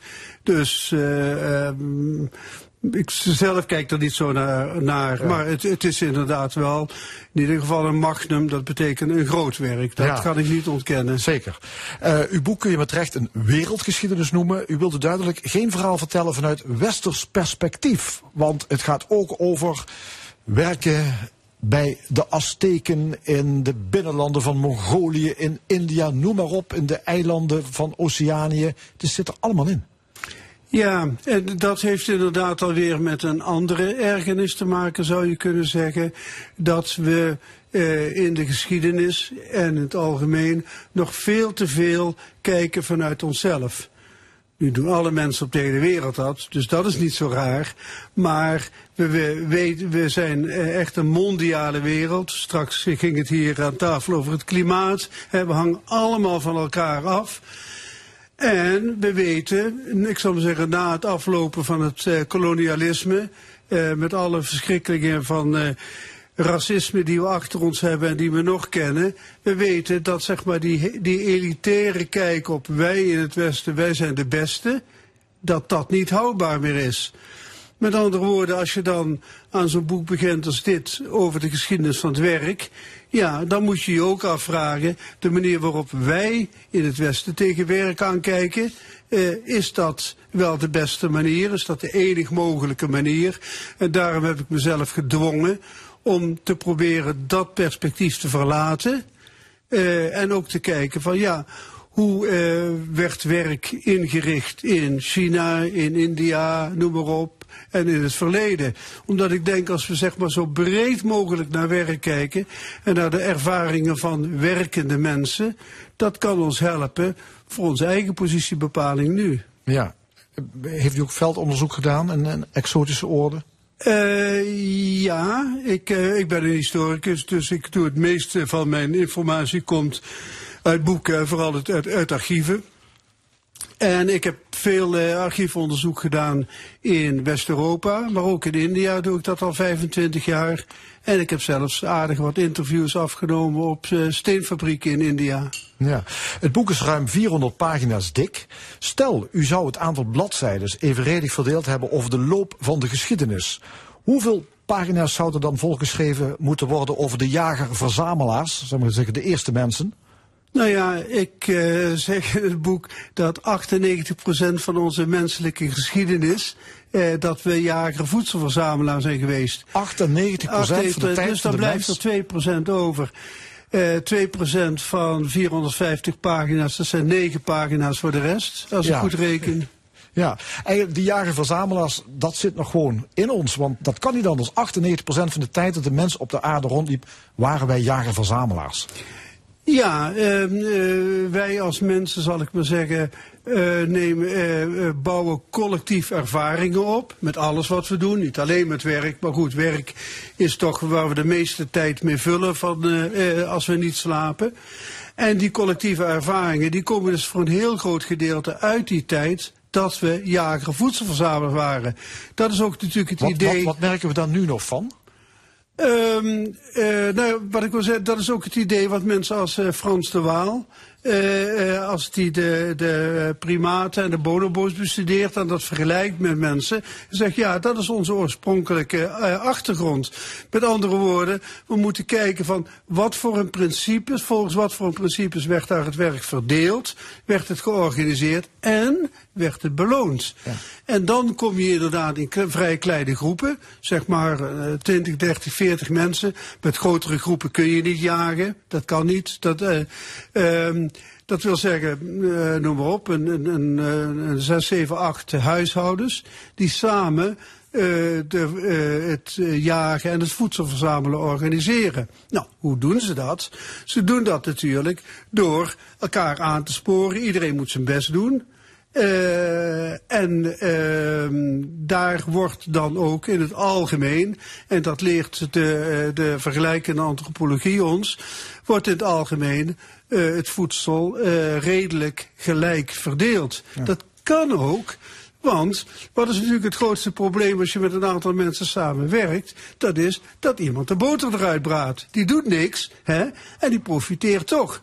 Maar in een kleine groep, stel dat wij hier met z'n drieën samen moeten werken, ja, dan kunnen we elkaar uitstekend in de gaten houden van wie doet zijn best en wie niet. En dan spreken we elkaar natuurlijk op aan. In de grote anonieme eh, maatschappij waarin we nu leven, is dat een stuk moeilijker. Ja, dus die, die, die jager-verzamelaars eh, die deden het werk samen en verdeelden ook de opbrengst samen. De eerste grote revolutie, ja, er zijn een paar grote revoluties op dit terrein van werk geweest in, eh, in de geschiedenis. De eerste, dat was de overgang naar de landbouw. Wat betekende dat voor de werkende mens? Ehm, aanvankelijk eh, niet eens zoveel. Dus we hebben het dan over 12.000 jaar geleden. Dan begint in ieder geval in bepaalde delen van de wereld begint de landbouw. In andere delen van de wereld begint het anders. Dat is overal anders eh, heeft zich dat ontwikkeld. Ehm, maar eh, langzamerhand, mee, eh, met succes van de landbouw, en dan hebben we ook weer voor 5.000, 6.000 jaar daarna, maar zeg zo'n zo, eh 5.000 voor Christus, dan is de landbouw in bepaalde streken, en vooral wat we noemen de vruchtbare halve maan, dat is Mesopotamië, Syrië, Palestina, Egypte, is zo profi eh, eh, profitabel dat er eh, overschotten komen. En als er overschotten komen, dan kun je zeggen van, nou ja, Fons, jij hoeft niet meer te boeren, hè, jij gaat timmeren, hè, want wij hebben karren eh, nodig voor het timmeren. Dus dan krijg je arbeidsspecialisatie. En dan ontstaan beroepen, gaan mensen... Ja, en dan krijg je dus eh, eh, complexere samenlevingen. En ook, eh, dan krijg je de eerste steden. En dan is natuurlijk een andere, dan moet je de arbeid anders gaan organiseren. in die, in die steden. Want daar, en dan moet je dus ook, kijk, als wij met z'n tweeën blijven boeren, ja, eh, hoeveel, hoeveel van onze opbrengst krijgt Fonds dan hè, voor die karren die Ja. die voor ons maakt? Is, is dat ook de tijd waarin eh, de loonarbeid, eh, die tegenwoordig overheerst, loonarbeid en zelfstandig ondernemen, ontstaat dat doordat we op, en zijn gaan landbouwen? Is dat daardoor kunnen ontstaan? Uiteindelijk, eh, uiteindelijk kan, dat, eh, kan dat natuurlijk alleen maar op die basis. Hè. Boeren moeten overschotten eh, eh, produceren, anders kunnen eh, andere mensen niet een ander beroep eh, uitoefenen. Ja. En de, de loonarbeid als zodanig, dan heb je natuurlijk dat niet alleen zeg maar kleine zelfstandigen, timmerlui, metselaars, eh, priesters, eh, noem maar op, dat je die hebt. Maar dat ook sommige daarvan, ik zal maar zeggen een timmerman, die kan zo succesvol zijn en die kan knechten aannemen. En dan krijg je loonarbeid. Ja, op een gegeven moment, we maken grote sprongen door de geschiedenis, eh, wordt West-Europa dominant in de hele wereld. Eh, dat is lang wel uitgelegd als een resultaat van misschien een superieur soort denken eh, in dit deel van de wereld, misschien een superieur soort mens zelfs. Ja, daar zal het wel niet aan liggen, maar waar ligt het wel aan? Waarom is West-Europa zo belangrijk kunnen worden? Ja, dat is inderdaad een hele grote vraag in de geschiedenis. En daar is de, de laatste tientallen jaren hebben we daar iets meer inzicht in gekregen. Dus de klassieke eh, eh, verklaring die wij natuurlijk vanuit ons perspectief aandroegen. Hè. Wij hadden de klassieke oudheid, daar zijn we erfgenamen van, hè, van de Grieken en de Romeinen. Wij hadden het christendom, daar zijn we de erfgenamen van. En daarmee zijn we een soort ubermensje. Hè. En daardoor zijn we in staat geweest om de wereld te veroveren. Plus natuurlijk een hoop slechtigheid en heel veel kanonnen. Ehm, de, het probleem is dat we er langzamerhand achter komen dat die, ik zal maar zeggen, eh, voorsprong van Europa vrij recent is. Eh, er is lang gedacht dat met de grote ontdekkingsreizen en zoals gezegd met onze grote schepen en kanonnen en geweren dat we het daarmee hebben gedaan. Maar het blijkt dat eh, nog honderden jaren daarna grote beschavingen zoals in India en in China eh, eigenlijk in heel veel opzichten, misschien bijna alle opzichten, eh, even goed presteerden. Ik zou zeggen hoge culturen, hoge opbrengsten, fatsoenlijke eh, inkomen per hoofd van de bevolking, et cetera. Ja, hebben China en India dan op een gegeven moment de afslag gemist? Is het, is nou ja, de, wat, wat Europa is in ieder geval zijn brute militaire kracht heeft eh, meegeholpen. De enige andere factor die misschien voor Europa eh, toch een voorsprong heeft eh, betekend, en die wordt onderzocht, dat, dat debat is lang nog niet eh, eh, eh, aan het einde, dat is alfabetisering en met name de productie van boeken. Kijk, boekdrukkunst is in China rond 800 al uitgevonden. Maar daar sneed men totale bladzijden uit houtblokken, wat een hele arbeidsintensieve manier is in vergelijking met de losse letters die wij gebruiken. Afgezien van dat wij ze natuurlijk maar een handjevol losse letters hebben. In China hebben ze duizenden karakters die apart zijn. Goed. Eh, met de verspreiding van die boekdrukkunst en eh, eh, goedkoop papier kon, ik zou maar zeggen, vanaf 1500 konden steeds meer mensen lezen. Wat ze aanvankelijk vooral lazen waren eh, eh, theologische traktaatjes, zal ik maar zeggen. Dat is het verreweg het meeste is godsdienststrijd, natuurlijk met de reformatie, katholicisme, et cetera. Maar dat betekent wel debat, een kritische samenleving en steeds meer mensen die kunnen lezen. En vervolgens kun je dan natuurlijk ook technische principes in druk geven. En dan kun je zeg maar, eh, eh, nou ja, als jij zeg maar een goede timmerman bent en hebt iets slims bedacht, ja, dat blijft binnen jouw familie. Tenzij jij op een gegeven moment gaat opschrijven van, zus en zo kun je het beter doen. Ja, dus de intellectuele vorming van de West-Europeaan die zou echt toe bijgedragen kunnen hebben dat hier een voorsprong genomen is in de Van, wereld. van, de, van de handwerkslieden Ja. inderdaad. En vrije, vrije ondernemersgeest, eh, de, de- de mogelijkheid om zelf te ondernemen, is dat, speelt dat niet mee? Dat lijkt mij niks unieks Europees Nou ja. aan, voor zover ik dat kan zien. Oké, probeer ik nog iets anders. Eh, als West-Europeanen hebben wij ook flink gebruik kunnen maken van gedwongen arbeid. Slavenarbeid, slavenhandel eh, op de plantages in, in, eh, in Amerika, maar weten we nu ook in eh, Oost-Azië natuurlijk. Heeft ons dat geholpen om meer geld te verdienen, om het economisch beter te doen? Het heeft absoluut geholpen. Kijk, uitbuiting van andere mensen eh, en, en daarmee je eigen eh, portemonnee spekken. Dat is natuurlijk eh, voordelig, en zeker voor handelaren. En die dan weer in andere delen van de wereld eh, daar eh, kunnen gaan investeren, bijvoorbeeld in India. Maar slavernij is een universeel menselijk gegeven, zeg maar vanaf 2300 voor Christus in ieder geval, zeg maar pakweg eh, dik 4, 4.500 jaar geleden. Dus dat gaat al lang vooraf Ja, dus dat- aan kapitalisme en aan markt, et cetera. Daar zijn we niet uniek in. Nee. Alleen hebben we, eh, hebben we inderdaad in de transatlantische slavernij, daar eh, heeft het Westen en dus ook eh, de Nederlandse Republiek gigantisch aan verdiend. Dat kan Ja. niemand ontkennen. Ja, en een, een tweede grote revolutie, we hadden het al over de landbouwrevolutie. Dat heeft iets Mhm. wezenlijks teweeg gebracht. In de 18e eeuw gebeurt er iets nieuws. En dat is de industriële revolutie gaan heten. In Engeland wordt de stoommachine uitgevonden. En ja, dat, dat neemt een enorme vlucht. Wat veranderde er voor de werkende mens doordat er fabrieksmatige productie mogelijk was? Ehm, het was niet zozeer eh, de, de opkomst en de uitbreiding van industrie. Dat gebeurde eigenlijk al 300 jaar daarvoor. Dat is wat in het Engels heet, niet de industrial, maar de industrious revolution. Dat is de nijvere revolutie, heb ik dat eh, vertaald in mijn boek. Ehm, en dat is dat boeren die eh, per definitie heel veel tijd hebben in het eh, slappe seizoen. Bij boeren is het hollen of stilstaan. Heel hard werken in, in de oogst. En natuurlijk ook in het voorjaar af en toe, maar ook eh, stilstaan. Die zijn langzamerhand industrieel werk gaan doen. Dus weven, spinnen, nagels maken, klompen maken, noem maar op. Dat zie je overal in West-Europa, maar ook in China. In dezelfde tijd. Zo tussen, laten we heel grofweg zeggen, tussen 1500 en 1800. Dus daar zie je al de industrie. En ook, ik zou zeggen, industrie als nevenberoep bij de landbouw zie al ontstaan. Met de fabrieken en met de industriële revolutie krijg je niet-menselijke en niet-dierlijke eh, kracht. Hè? Dus molens worden niet meer aangedreven door paarden, hè? maar kunnen aangedreven worden door stoommachines.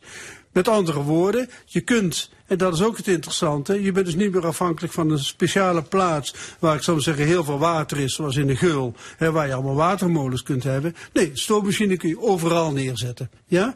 En dan heb je dus geconcentreerde kracht, waarbij je heel veel mensen in een fabriek kunt laten werken. Wat dat precies betekent heeft voor die mensen die in die fabriek werkten, dat is dat is ook weer geleidelijk gegaan. Want je zou kunnen zeggen van eh, in plaats van de autoriteit van de vader of de moeder in het huishouden waar zeg maar industrieel werk wordt gedaan, krijg je de autoriteit van de fabrieksbaas. Maar zo simpel is het niet gegaan. Het het ging dikwijls zo dat hele families zich aan een fabrieksbaas verhuurden. Met andere woorden, de fabrieksbaas had ook in de fabriek niks te zeggen over die jongens en meisjes en vrouwen. Nee, die vader zelf deed dat. Maar als groep verhuurden ze zich. Maar- ja? maar- En dan langzamerhand, en met name, eh, ik zou zeggen, met het Fordisme, Taylorisme, zeg maar eind uit 19e eeuw, dan krijg je dat een fabriek, de autoriteit van de fabrieksbaas, die geldt voor iedereen die in zo'n fabriek werkt. Daar, zit, daar zit de grote verandering. Maar er zit ook weer, zit ook weer een paar generaties gaan daar weer overheen. Ja, als arbeider was je er in de 19e eeuw, beroer- 19e eeuw beroerd aan toe. Vies, gevaarlijk, ongeregeld werk, lange werkdagen, noem maar op. Nu, als we kijken naar de situatie op dit moment, zijn we zeker in het Westen, hebben we heel veel vrije tijd. Dus eigenlijk allemaal redelijk goed geregeld. Ehm, we zijn beter af dan ooit tevoren in de geschiedenis, heb ik de indruk als ik dit lees hier in West-Europa. In het Westen zijn we zonder meer materieel veel beter af. Nou, dat kun je natuurlijk ook heel simpel biologisch constateren aan het feit dat de bevolking geweldig toeneemt.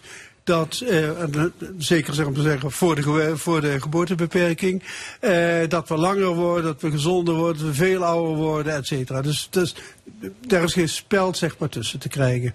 Hè? Eh, maar dat geldt en dat eh, eh, voor eh, veel mindere mate voor hele andere grote delen van de wereld. Hè, dat weten we ook. Daar is gelukkig eh, een, een grote inhaalslag gaande. Hoe lang dat zal gaan, hoe zo, dat weet ik niet. Ik ben historicus, geen, geen toekomstvoorspeller. Ja, maar- Eh, maar bijvoorbeeld in China, dat daar zeg maar de bevolking eh, eh, eh, het, stuk, het stukken beter heeft gekregen eh, sinds eh, alle rampen van Mao. Eh, dat, is, dat is absoluut eh, niet te ontkennen. En de leeftijd neemt toe, et cetera. Ja, u zegt u bent een historicus. Toch verbaast het mij, het laatste hoofdstuk. Kijkt u eigenlijk ook wel vooruit wat er Ja, allemaal ik gaat heb het ook gebeuren? een vooruitblik genoemd. Ja, Daar, dat is gevaarlijk ja. als historicus. Ja, daar, dat- maar goed, daar heb ik dan ook maar, ik zal maar zeggen, een, een, knip in het boek gelegd. Dat Ja. ik heb gezegd, dit is een vooruit, een Ja, er komt vooruitblik. van alles op ons af. Hè. Robots, eh, kunstmatige, kunstmatige intelligentie. Ja, ja, eh, de universeel basisinkomen. Ja, ik dacht, het is gek om eh, zo lang geschiedenis te schrijven en daar niks over te doen. Ik heb daarvoor de, voor de Ja. gekozen. Ik heb gezegd, ja, welke scenario's komen we nu tegen? En welke scenario's lijken mij Ja. meer en minder eh, logisch? Ja, in elk geval, wat, wat duidelijk is, de westerse dominantie, die lijkt definitief doorbroken. China ja, is een, toch een dominante kracht aan het worden op de wereld. Zou dat ook het einde kunnen betekenen van ons liberale kapitalistische systeem, dat natuurlijk eeuwen bestaan heeft, waar we ons wel van aan te danken hebben? Eh, dat is mogelijk. Eh, ik, zie de toekomst, eh, maar dan meer als, als individuele burger, zal ik maar zeggen. Maar goed, geïnformeerd door dit boek. Zie ik als een, eh, eh, dat mag ik hopen, als een concurrentie tussen een aantal maatschappijmodellen. Hè? Eh, het Chinese, het Amerikaanse, e- eventueel het Russische, eventueel het Indiase en ook dat van, van West-Europa. En dan mag ik hopen dat dat niet alleen maar gaat van hoe kunnen we nog meer economische groei hebben, hoe kunnen onze telefoontjes nog meer doen, eh, meer doen, maar dat het gaat ook over idealen. En met name, we hebben het hier over werk, idealen over hoe verdeel je werk, hoe beloon je werk fatsoenlijk. En dat wij met, met mag ik hopen, met het meest fatsoenlijke alternatief komen en dan de rest van de wereld ook kunnen overtuigen. Die aan dat soort concurrentie van systemen zit ik dan te denken. Eh, nou ja, daar hoop ik dan het beste van. Oké, nou je werken doen we niet alleen uit noodzaak, maar ook om er iets eh, moois van te maken. En dat, eh, dat is dan hier, denk ik, deze historicus gelukt, vindt hij zelf, met dit boek. Ik ben uiteraard blij dat dat boek klaar is. En het is eigenlijk het boek wat ik altijd had willen lezen en wat er niet bestond en wat ik toen maar zelf heb geschreven. Dus ik ben een blije lezer en ik hoop dat er heel veel bij komen. Oké, dank u wel, Jan Lucas. Ik noem nog een keer de titel van het boek. De wereld aan het werk, van de prehistorie tot nu. En te koop in de boekhandel. Ja, historicus Jan Lucas was dat. Eerder uitgezonden in de stemming in november van het vorig jaar. U luistert naar L1 Radio, meer speciaal de stemming. We zijn er iedere zondag van 11 tot 1. Zometeen een discussiepanel dat in het oog springende actualiteiten bespreekt. En dat gaat, daar gaat altijd een eh, persoonlijke kriedekeur aan vooraf. De column. De column. Vandaag met Jos van Wersch. Kijk niet raar op als binnenkort ook de nazaten van Johan van Oldenbarneveld verhaal komen halen bij de Nederlandse regering. 400 jaar nadat de raadpensionaris in het openbaar werd onthoofd. En die nazaten willen dan niet alleen excuses uit de mond van koning Willem-Alexander en onze minister-president. Ze willen ook geld van de staat. Veel geld. Om te beginnen enkele tientallen miljoenen voor een Van Oldenbarneveld museum op het Binnenhof in Den Haag. Want op die plek werd de zeer gerespecteerde Johan een kopje kleiner gemaakt. Slans historische atlas van misdaad en straf staat vol met pijnbanken, valbijlen, beulen, brandstapels, guillotines, ingespannen paden die onschuldig in vieren deelden en galgenvel die fungeerden als horrortheaters. En niet te vergeten, onze misdaden in voormalig Nederlands-Indië en de mensenhandel onder de noemer van slavernij. Wij waren bepaald geen pacifisten, maar verdomd lang een land waar de wetten van de barbaren golden. Inderdaad, mijn land was een van de laatste landen die de slavernij afschaften. Maar moet onze generatie 150 jaar later daarvoor excuses maken? Jazeker, zegt de burgemeester van Amsterdam, Femke Halsema, wie ook anders. Want excuses aanbieden is een manier om een beladen periode uit het verleden af te sluiten. Hoezo? Hoe kun je van mensen van nu verlangen dat ze excuses maken voor iets dat in een ver verleden is gebeurd toen hele andere normen en waarden golden? Om daar nu nog excuses voor te maken, tja. Bovendien kon je erop wachten dat in het land van het dominee excuses in mijn museum ook alvast 200 miljoen euro moet worden afgetikt voor bewustwording. En nu willen actiegroepen ook nog in het jargon van letselschadeadvocaten 200, sorry, enkele miljarden euro's uitkeren aan de nabestaanden van de tot slaafgemaakten. Alsof je kunt vaststellen wie op welke manier is benadeeld door misdaden die wij vanaf de 17e eeuw hebben begaan. Volgens mij gaat het meer over geld vangen dan over het leed van vroeger en nu. Want leed heeft ons land veroorzaakt, bakken vol. Niet alleen in Suriname en op de Antillen, maar all over the world. Want net als de Duitsers waren ook wij geen lievertjes, zou Hans Steven zeggen. Maar opeens miljarden claimen vanwege ons slavernijverleden is van de zotte. Alsof we op dit moment in ons land niks anders aan ons hoofd hebben. De column van Jos van Wersch. En het laatste onderdeel van de stemming vandaag, het discussiepanel. Drie opiniemakers bespreken het nieuws van de week. En vandaag over ons onderwijsniveau, slavernij-excuses, de wolf en sociaal media platform Twitter. Ik heet van harte welkom wethouder Jacqueline Westhelle-Alen, docent Luc Wienans en voormalig wethouder Gert-Jan Krabbedam. Ja, alweer verscheen een rapport over het bedroevend slechte niveau van ons taal- en rekenonderwijs. Bijna een kwart van alle 15-jarigen loopt achter met schrijven en leest niet op basisniveau. Er moet meer aandacht komen voor reken en taal, zegt de Onderwijsraad. Met die oproep hoor ik al jaren. Luc Wienans, waarom wordt daar geen werk van gemaakt? Hoe kan dat? Ja, het is, het is uh, wel opnieuw weer, vind ik goed dat het vastgesteld wordt dat het bedroevend slecht en laag is en dat er echt uh, een grote urgentie gegeven moet worden aan het versterken van uh, lezen, schrijven, taal, rekenen. Um, maar er is natuurlijk ook een hoop veranderd. Kijk, overigens in 2010 is er ook al zoiets geweest met een, hele forse actie. Toen zijn normen wettelijk vastgesteld van dit moet je allemaal weten op gebied van taal en rekenen. Um, maar ook daarin is weer verval geraakt. Uh, dat is in verval geraakt. En dat is jammer, dat is heel slecht. Daar hebben we de nadelen van. En waarom is dat zo bedroevend slecht? Um, kijk, leerlingen leren op dit moment niet alleen meer op school. Hè. Ze leren dat zoals dat vroeger ook al ook op school, uh, op thuis, uh, maar ook in een vereniging. Maar leerlingen leren ook ontzettend veel als autodidact. Ze hebben heel vaak hun telefoon in de hand of zijn s'avonds tot laat aan het gamen. En leren ontzettend veel. Als je bijvoorbeeld kijkt naar het niveau Engels althans spreekvaardigheid, is dat eigenlijk ja, okay, Maar ook rekenen en taal? Rekenen en taal zeker niet. En, eh, maar het, het is dus zo dat dat hele grote deel als auto, wat ze als autodidact leren, daar hebben we helemaal geen zicht meer op. Wij weten niet wat ze eigenlijk doen, hoe ze leren. Uh, en op de school zelf is natuurlijk door de gigantische bezuinigingen in de afgelopen jaren ontzettend veel misgegaan. Veel te grote klassen, veel te veel leerlingen uh, bij elkaar, veel te weinig aandacht voor de leerlingen, zeker in het VMBO. Um, en er is nu een inhaalslag aan de gang, maar we zijn daarmee te laat, absoluut ja. te laat. Ja. En je weet er alles van, want je staat tegenwoordig voor de klas ja. als docent. Ik las een interview met een docent Nederlands die zegt. Het is niet zo ingewikkeld. Meer tijd besteden aan lezen, schrijven en rekenen levert betere lezers, schrijvers en rekenaars op. Zo simpel is het toch, Jacqueline Westhelle-Alen? Ja, daar ben ik het helemaal mee eens. Maar ja, je ziet toch dat bij de jeugd, want ik heb een zoon van 18, uh, die zitten merendeels met het mobieltje in de handen. En uh, ze krijgen alle informatie eigenlijk al voorgelezen via YouTube of wat dan ook. Echt boeken in de handen nemen. Nou, ik heb er heel veel mooie boeken voor hem gekocht, maar merendeels zijn dus nooit open geweest. Dus ja, ik, ik wil ze wel. Maar dit moeten ze toch gewoon in de willen... klas leren? Fatsoenlijk leren rekenen ja. en lezen en. Noem ja, maar op, dat, dat zou ik inderdaad wel verwachten, want je merkt dat het thuis gewoon toch niet meer lukt. Tenminste, ja, als ik naar mezelf ja. kijk. Is het lesrooster misschien te vol geraakt?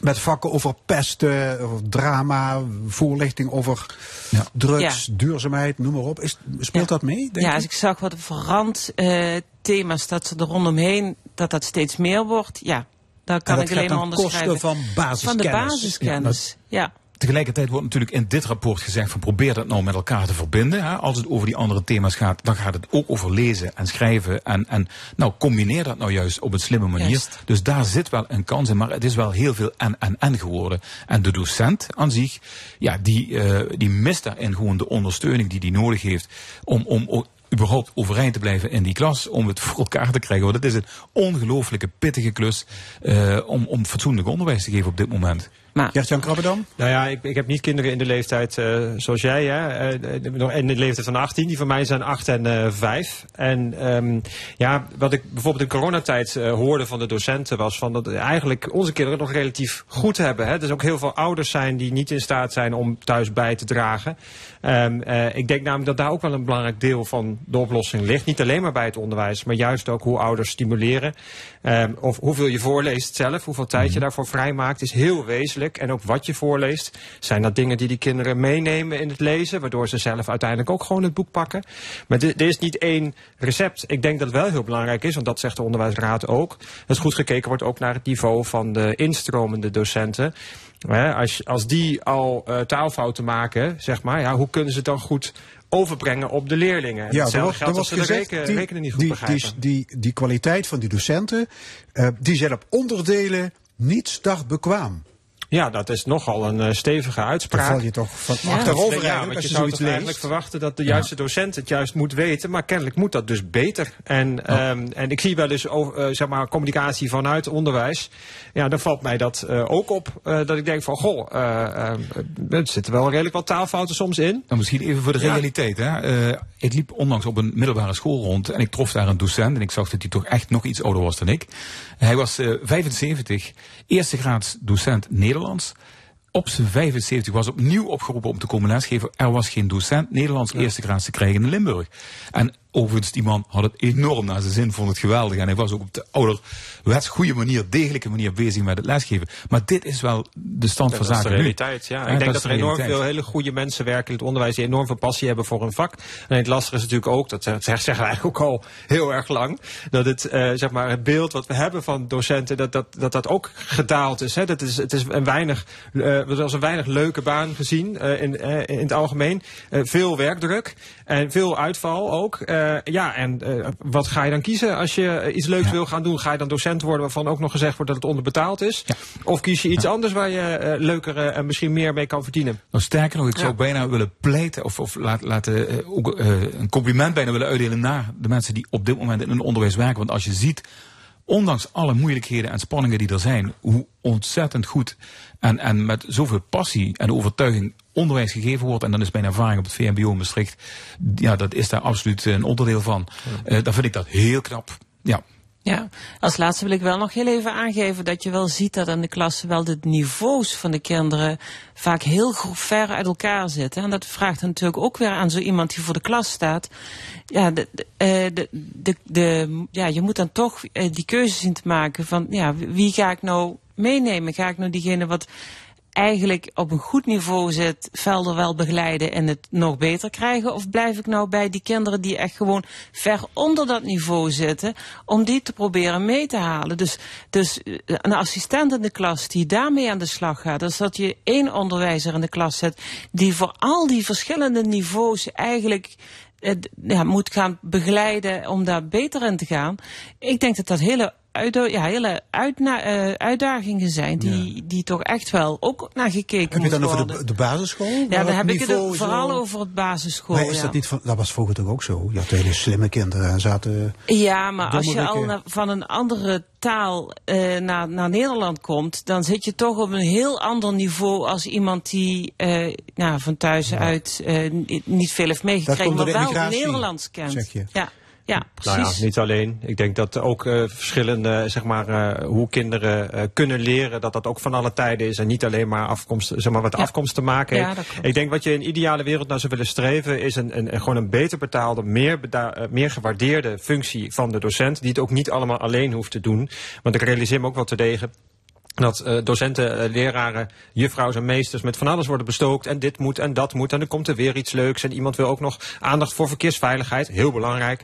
Um, uh, en het is allemaal veel. En je moet die keuze niet alleen willen maken. Eigenlijk zou je dat in een ideale wereld samen met de ouders en met een heel team willen doen. Mm -hmm. zo gepersonaliseerd mogelijk. Omdat ieder kind dan ook het meeste kan bereiken wat erin zit. Uh, ja. en, en, wat hem drijft. En dat is wat je wil. Maar er is gewoon Precies. te weinig tijd, te ja. weinig geld en te weinig waardering voor. Ja, en er, het, het, gaat per definitie om gelijke kansen. Dat is wat we willen. Gelijke kansen in dat onderwijs voor uh, ook kinderen van laag, met laag opgeleide ouders, dat die evenveel kans maken als anderen. Uh, nou, en, en daar is dat pleidooi wat je zojuist houdt, dat is daar wel keihard voor nodig om dat voor elkaar te krijgen. En ja, het is nooit te laat. Hè. Ik bedoel, ik gaf toen straks aan van God lijkt nu alsof we een generatie hebben. Ja, daar is het dan niet goed meegegaan met dat, met dat taal en rekenen. Maar ik denk wel dat als er uh, vanuit de politiek de urgentie aan gegeven wordt, en dat zal echt moeten, dan zal er echt veel meer geïnvesteerd moeten worden in de toekomst van de nieuwe generaties. Ja, ja een van de voorstellen van de onderwijsraad is, Luc, je zei het al, om uh, taal en rekenen te integreren in alle andere vakken. Ja. Is dat een goed, goed begin? Ja, eigenlijk gebeurt dat voor een deel natuurlijk als je bij economie, hè, als je economie krijgt, dan gaat het natuurlijk ook over rekenen. Hè, uh, en in alle vakken gaat het over ja. Nederlandse taal. En bij geschiedenis Alleen, kun je wat langere teksten laten, laten behandelen handelen. Bij wijze van spreken. Kinderen dieper gaan lezen. En daarin zou ik me ook kunnen voorstellen dat je toch ook meer inzet op trainen van docenten die al langer voor de klas staan. Uh, die toch vaak ook in een bepaald ritme zitten. En ook wel eens af en toe weer die vernieuwende impuls nodig hebben. Om te zien van hé, hey, het kan ook anders. Dus ik vind het geen slecht en geen gek idee om dat te doen. Maar je moet er wel echt werk van maken. En, en dat vind ik wel een spannende. Nou, ik denk wat heel belangrijk is ook dat je aansluit bij de belevingswereld van die kinderen. Kijk, het is een heel belangrijk signaal dat als kinderen van alles leren buiten school om, hè, dat je die methode ook kunt benutten om ze dat te doen. Ik, heb onlangs met mijn oudste zoon heb ik een, een app voorgezet, Duolingo, waarmee hij zelf via eigenlijk een spelvorm een andere taal kan leren. Nou, laat maar lekker zijn gang gaan. Daar leert hij van. En je moet wel de grenzen bewaken, hè, dat hij niet de hele dag lang dat dan doet, maar dat is prima. Uh, ik denk wat het lastig vaak is, wat ik ook ervaren heb als, als, als scholier, is dat je geeft met een tekst voor. Nu krijg je even een moeilijke tekst Alsof het een soort van opgave is. Take your medicine. Dat, zoiets eigenlijk. Hè? Terwijl eigenlijk moet het spelende wijs. Uh, en dan sluit je ook het beste aan bij wat een kind interesseert. Wat hij leuk vindt. En dan wordt leren, is het ook leuk? En dan wordt het ook leuk. En dan blijft het ook leuk. Ja. Het plezier terug in het onderwijs. Juist. Ja, ja. Bij de docent en bij de leerling. Ja. Oké. Okay. We gaan naar een ander onderwerp. Het kwam zojuist al aan bod in de, de column van Jos Verwers. Het kabinet gaat excuses maken voor het slavernijverleden. Zou een uh, gebaar moeten zijn naar de nabestaanden van tot slaafgemaakten. En uh, volgend jaar overigens gaan we herdenken dat het 150 jaar geleden is dat de slavernij werd afgeschaft. Um, ja, hoe zinvol vinden jullie het dat zo'n excuus er gaat komen? Jacqueline Ale? Ja, nou goed, ik, ik vind het zinvol. Ik, uh, ik vind dat die erkenning er gewoon mag zijn en die moet je gewoon uitspreken. Uh, we hebben uh, daar eigenlijk veel te lang al, al omheen gedraaid. En, en ik heb het, gevoel dat het er alleen maar om gaat dat ze bang zijn dat ze dan weer schadevergoeding moeten gaan betalen. Maar gewoon die erkenning. We hebben toch zoveel jaren lang zoveel mensen gewoon als slaven gebruikt. Dat is toch ongelooflijk. En geef alsjeblieft die erkenning, bijvoorbeeld door inderdaad die 1 juli, die Cathy Kotti gewoon als een nationale feestdag uh, al, al in te brengen. Ja, verder ja. aan tafel, Luc Wienans? Ja, nou ja, ik las een onderzoek uh, waar eigenlijk zo'n beetje uitkwam dat 70% van de Nederlanders zijn schouders ophaalt en denkt, nou, wat een flauwekul. Uh, moeten wij daar nou, uh, moeten wij nou excuses gaan maken na al die tijden? Waarom is dat dan niet eerder gebeurd? En die onverschilligheid, die de bodem daaronder is eigenlijk dat heel, heel veel mensen helemaal niet het verleden kennen van dat slavernijverleden. Zich ook niet van bewust zijn dat we het hebben over iets wat we slechts 150 jaar geleden in Nederland hebben afgeschaft. Ik trek even de parallel met de Tweede Wereldoorlog. Die is ook inmiddels 75 jaar, 76 jaar geleden uh, beëindigd. En die herdenken wij ieder jaar. En waarom doen we dat? Omdat we daarmee een binding in de samenleving smeden en versterken. En we hebben iets verschrikkelijks meegemaakt en dat herdenken we. Slechts 75 jaar daarvoor was het einde van die slavernij. En daar, daarvoor is een periode geweest van honderden jaren slavernij. Pas na de Franse revolutie uh, in Frankrijk was ongeveer e-, een van de eerste landen die zei van nu staat vrijheid voorop en gaan ja. wij echt met die slavernij stoppen. Jij zegt eigenlijk was, is het niet eens zo heel erg lang geleden dat het is afgeschaft, 150 Precies. jaar geleden. Ja, de vraag is natuurlijk, hoe, hoe lang kun je excuses maken voor handelingen, gedragingen, opvattingen uit het verleden. Want ja, er zijn, is natuurlijk heel veel misgegaan toen. Althans, met, als je kijkt door de bril van nu. Ja, maar dus, kijk, er is een verschil tussen uh, of die, van wie die excuses komen. Uh, wij hier aan tafel maken geen excuses. Want we, we, weten helemaal niet wat onze voorouders gedaan hebben, al weten we het wel, zijn we er niet verantwoordelijk voor. Dat is ook de misvatting die de columnist Jos, Jos van Wers maakt, alsof iedere individuele blanke Nederlander zijn excuses moet maken aan een donkergekleurde Nederlander. Wat natuurlijk flauwekul is. Um, wat de excuses worden gemaakt door de overheid, de staat. Die is namelijk eeuwig. Uh, en, en, als vertegenwoordiger van de staat doet Mark Rutte dat namens ons allen en namens die staat. Dat is hartstikke goed. Waarom? Omdat um, weliswaar is, eh, eh, zou je kunnen zeggen, is het niet zo kort geleden als eh, eh, datgene wat we allemaal hebben uitgesproken in Indonesië of de Tweede Wereldoorlog. eh? In de zin van dat je je opa nog kent die het heeft meegemaakt. Maar eh, het is, zoals terecht door Liquidans wordt omschreven, ook weer niet zo lang geleden. En de effecten daarvan hebben nog steeds een werking in hoe mensen nu zijn. Wat ze hebben doorgekregen van hun ouders. Eh, de generatie van eh, eh, Surinaamse, Antilliaanse Nederlanders, die is nog door hun ouders gezegd: doe maar een beetje rustig, eh, hè, niet te veel je stem verheffen, want dat wordt niet gewaardeerd. En die generatie zegt: hoezo? Waarom moet ik dat? Maar tegelijkertijd ook het feit dat het nog gezegd wordt, komt linea recta uit die tijd van de, van de slavernij, waarin de blanke Nederlander de heerser was en de, en de donkergekleurde Ne- Nederlander de onderdaan of zelfs de slaaf. Ja, die, die excuses zouden trouwens gepaard gaan met de oprichting van een slavernijmuseum. Ook een fonds waar 200 miljoen in wordt gestopt voor een betere bewustwording van het slavernijverleden. Wat, wat, wat moet zo'n fonds gaan doen? Wat moet ik me daarbij voorstellen? Nou, heel precies wat het zegt. Meer bewustzijn. Ja? Kijk, Ja. het feit dat dat is- 70% maar dat van de Nederlandse dat informatie geven dus. Nee, Ja, maar kijk, het feit dat je je 200 eigen miljoen. geschiedenis niet kent, dat je niet. eh, ik bedoel, wat hebben wij nou? We hadden het net over onderwijs. Wat heb ik nou geleerd op de basisschool of de middelbare school over slavernij of überhaupt Indonesië? Weinig tot niets. Het was een voetnoot of een bijzin. En dat is niet goed. Eh, eh, het moet niet afhangen van autodidactie, van zelf maar willen lezen hoe het is gegaan. Of mensen dat weten of niet. Het is onze geschiedenis. Ja, dus er zijn, er zijn nu de- de- ook mensen, ja, we hoorden het ook in de column, ehm, die eh, suggereren dat er misschien wel individuele schadeloosstellingen zouden kunnen voortkomen uit excuses van de overheid. Nou ja, Luc Wienans? ik, ik denk dat je dat niet als uitgangspunt moet pakken. Eh, als mensen daarover beginnen, denk ik ook dat ze eh, ja, van de koude kermis thuiskomen. Want dan ligt het in de lijn, hè, zoals je net eh, ook zegt, Gert-Jan, dat dat niet kan spelen. Wa- waarom zou dat niet kunnen? Want als je excuses het- aanbiedt... Nou, om- omdat dat de rechte redenering eigenlijk is van mensen van iedereen is ieder mens is verantwoordelijk voor zijn eigen daden. En natuurlijk kun je nu niet nog mensen gaan afrekenen op de overheid. Kun je daar natuurlijk wel op aanspreken. En vandaar ook dat de overheid die eeuwig is, die excuses kan aanbieden. En dan is dat ook een goede zaak om dat als markering in de geschiedenis te doen. Overigens in Frankrijk, eh, wat natuurlijk ook een land is waar heel veel eh, met, een groot slavernijverleden, is het zelfs in de wet opgenomen dat men zegt van dat hebben wij verkeerd gedaan in het verleden. Ja, en, dat, en het is eigenlijk opmerkelijk dat dat hier in Nederland zo lang heeft geduurd, want we zijn er natuurlijk ook schatrijk door geworden. Maar allee, dat niet alleen. Achter het hele verhaal van de slavernij zit dat superioriteitsgevoel. Van wij, de blanken en de donkere mensen die wij hier naartoe hebben gehad. Dat superioriteitsgevoel is nog lang niet helemaal weg bij iedereen. En zou dat, zou, maar zou dat veranderen door excuses van de regering of het kabinet? Het, het helpt de vraag absoluut. Als, als, als ik in de klas merk, eh, als we het over dit soort onderwerpen hebben, eh, vinden leerlingen het hartstikke belangrijk dat er niet gediscrimineerd mag worden. Eh, niet voor donkere Ja. mensen of mensen met een ander geloof of wat dan ook. Maar ze dat, zitten dat- samen in de maar klas. dat weten ze nu al, dus hoef je geen excuses voor aan te bieden. Dat klopt, maar het deel van het verleden waar dat allemaal vandaan komt, waar de oorsprong zit van die ongelijkheid en, en die conflicten die er in het verleden zijn geweest, nou daar is heel veel onkunde bij. Zelfs gewoon ja, tasten in het duister van wat is er dan eigenlijk gebeurd? Vertel eens.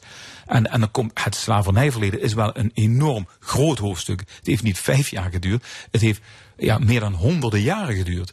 En de laatste wat ik, wat ik daar ook nog wel over kwijt wil, is er is natuurlijk ook nog steeds sprake van moderne slavernij.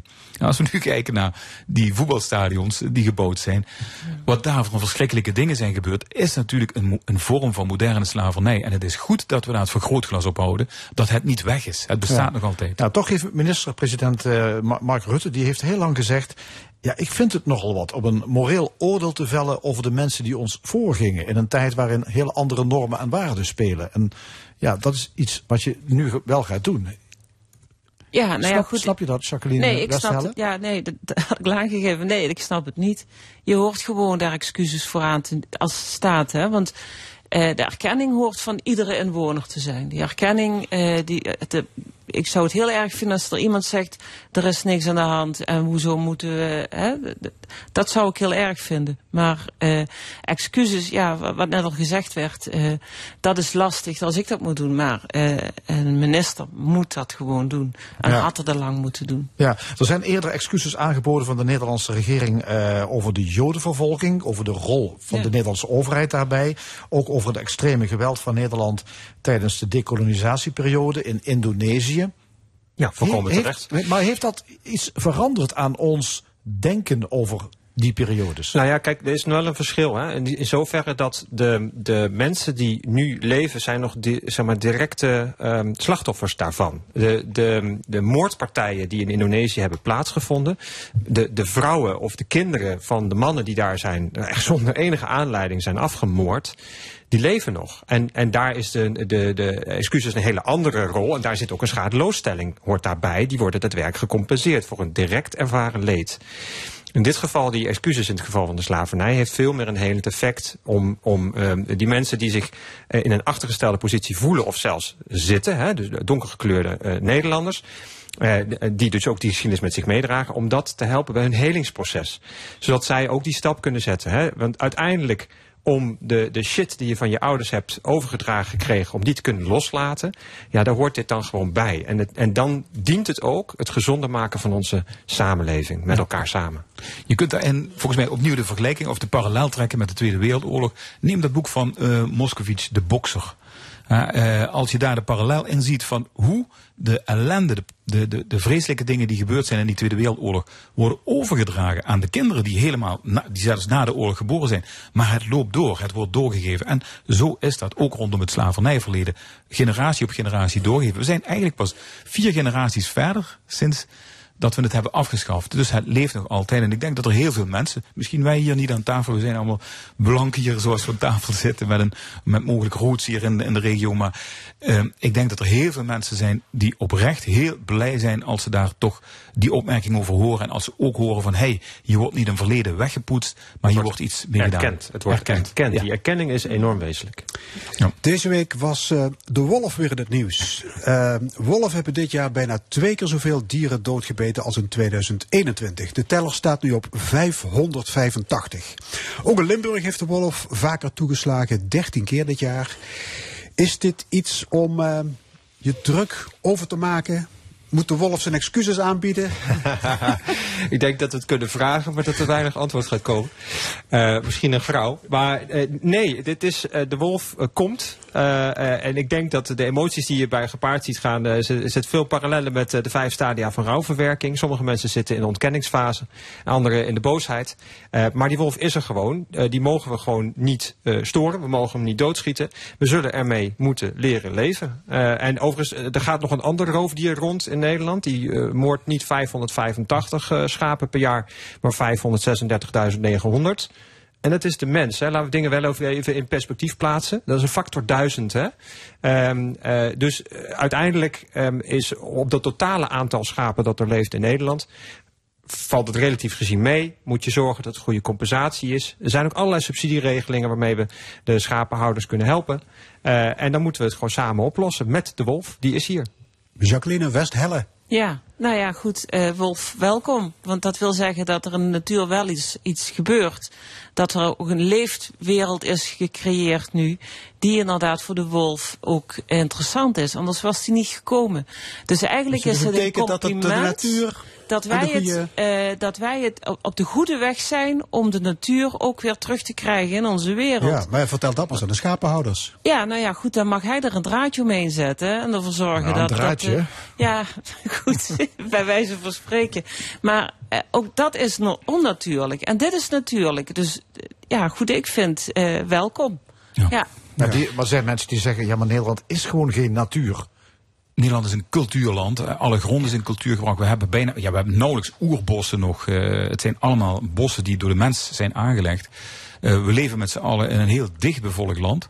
Eh, en dan zul je rekening met elkaar moeten houden. En als je dus de cijfers bekijkt van wat die wolf gedaan heeft in de, in de afgelopen jaren, sinds 2015, is die voor het eerst gesignaleerd. En sinds die tijd zie je alleen maar in de grafieken een toename van het aantal schapen dat, of, of herten of, of andere beesten die door die wolf worden aangevallen. Eh, afgelopen vrijdagavond kwam er overigens een mooi filmpje voorbij van een, eh, een wielrenner op de Veluwe.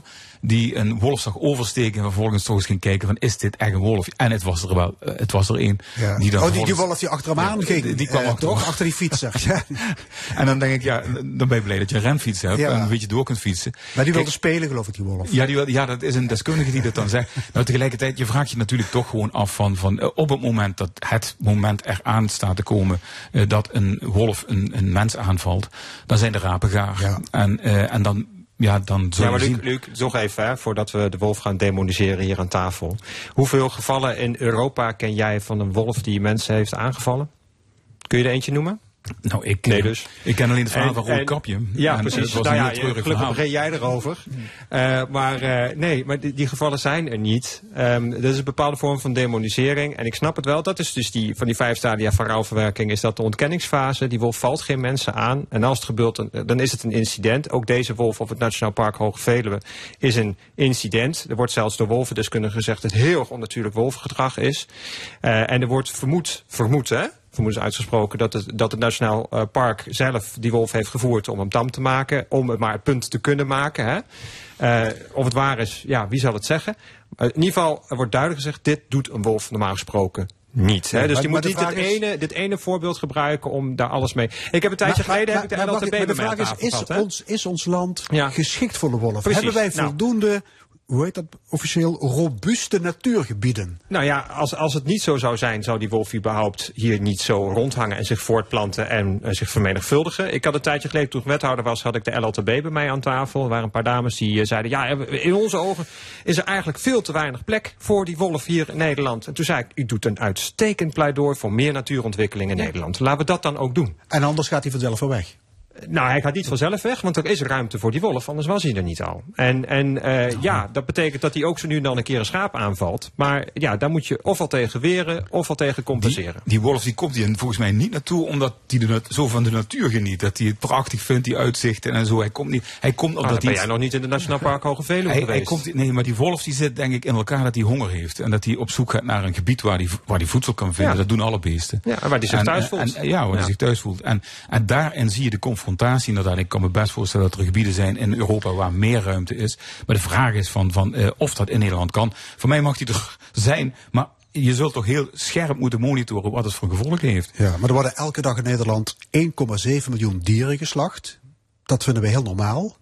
En als een wolf een prooidier te grazen neemt, dan is het huis te klein? Ja, nou ja, goed. Kijk, wij hebben hier eh, op de Pietersberg en ik weet niet hoeveel plekken eh honden losloopgebieden gemaakt. eh, omdat mensen zich ontzettend eraan storen dat honden loslopen door het bos en bijvoorbeeld achter reeën aangaan of konijnen vangen of wat dan ook. En ik vind dat goed. Ik denk dat je het inderdaad moet organiseren. Dat ieder zijn ding kan doen, zijn hond kan loslaten. Daar, daar zetten we hekken voor neer. Daar investeren we. Dat doen we heel goed. Op het moment dat je zegt van ja, nou, niemand mag achter dat ree aan behalve die wolf. Ja. Ja, maar mag ik dan toch nog een mooi pleidooi Nee, want, doen want we voor moeten die- afronden volgens Oh, mij. We zijn, jammer. we zijn er doorheen. Jammer. Eh, De tijd is op. Hartelijk dank Jacqueline Westhelle Alen, Luc Wienans, Gert-Jan Krabbedam. Tot de volgende keer. Dit was namelijk de stemming vandaag gemaakt door Edwin Maas, Fons Gerrits en Frank Ruber. Graag tot volgende week zondag, dan zijn we er weer om 11 uur. Dit programma is na te luisteren op onze website l1.nl. Zometeen op deze zender Paul Verstegen met, en dat wens ik u ook, een zalige zondagmiddag.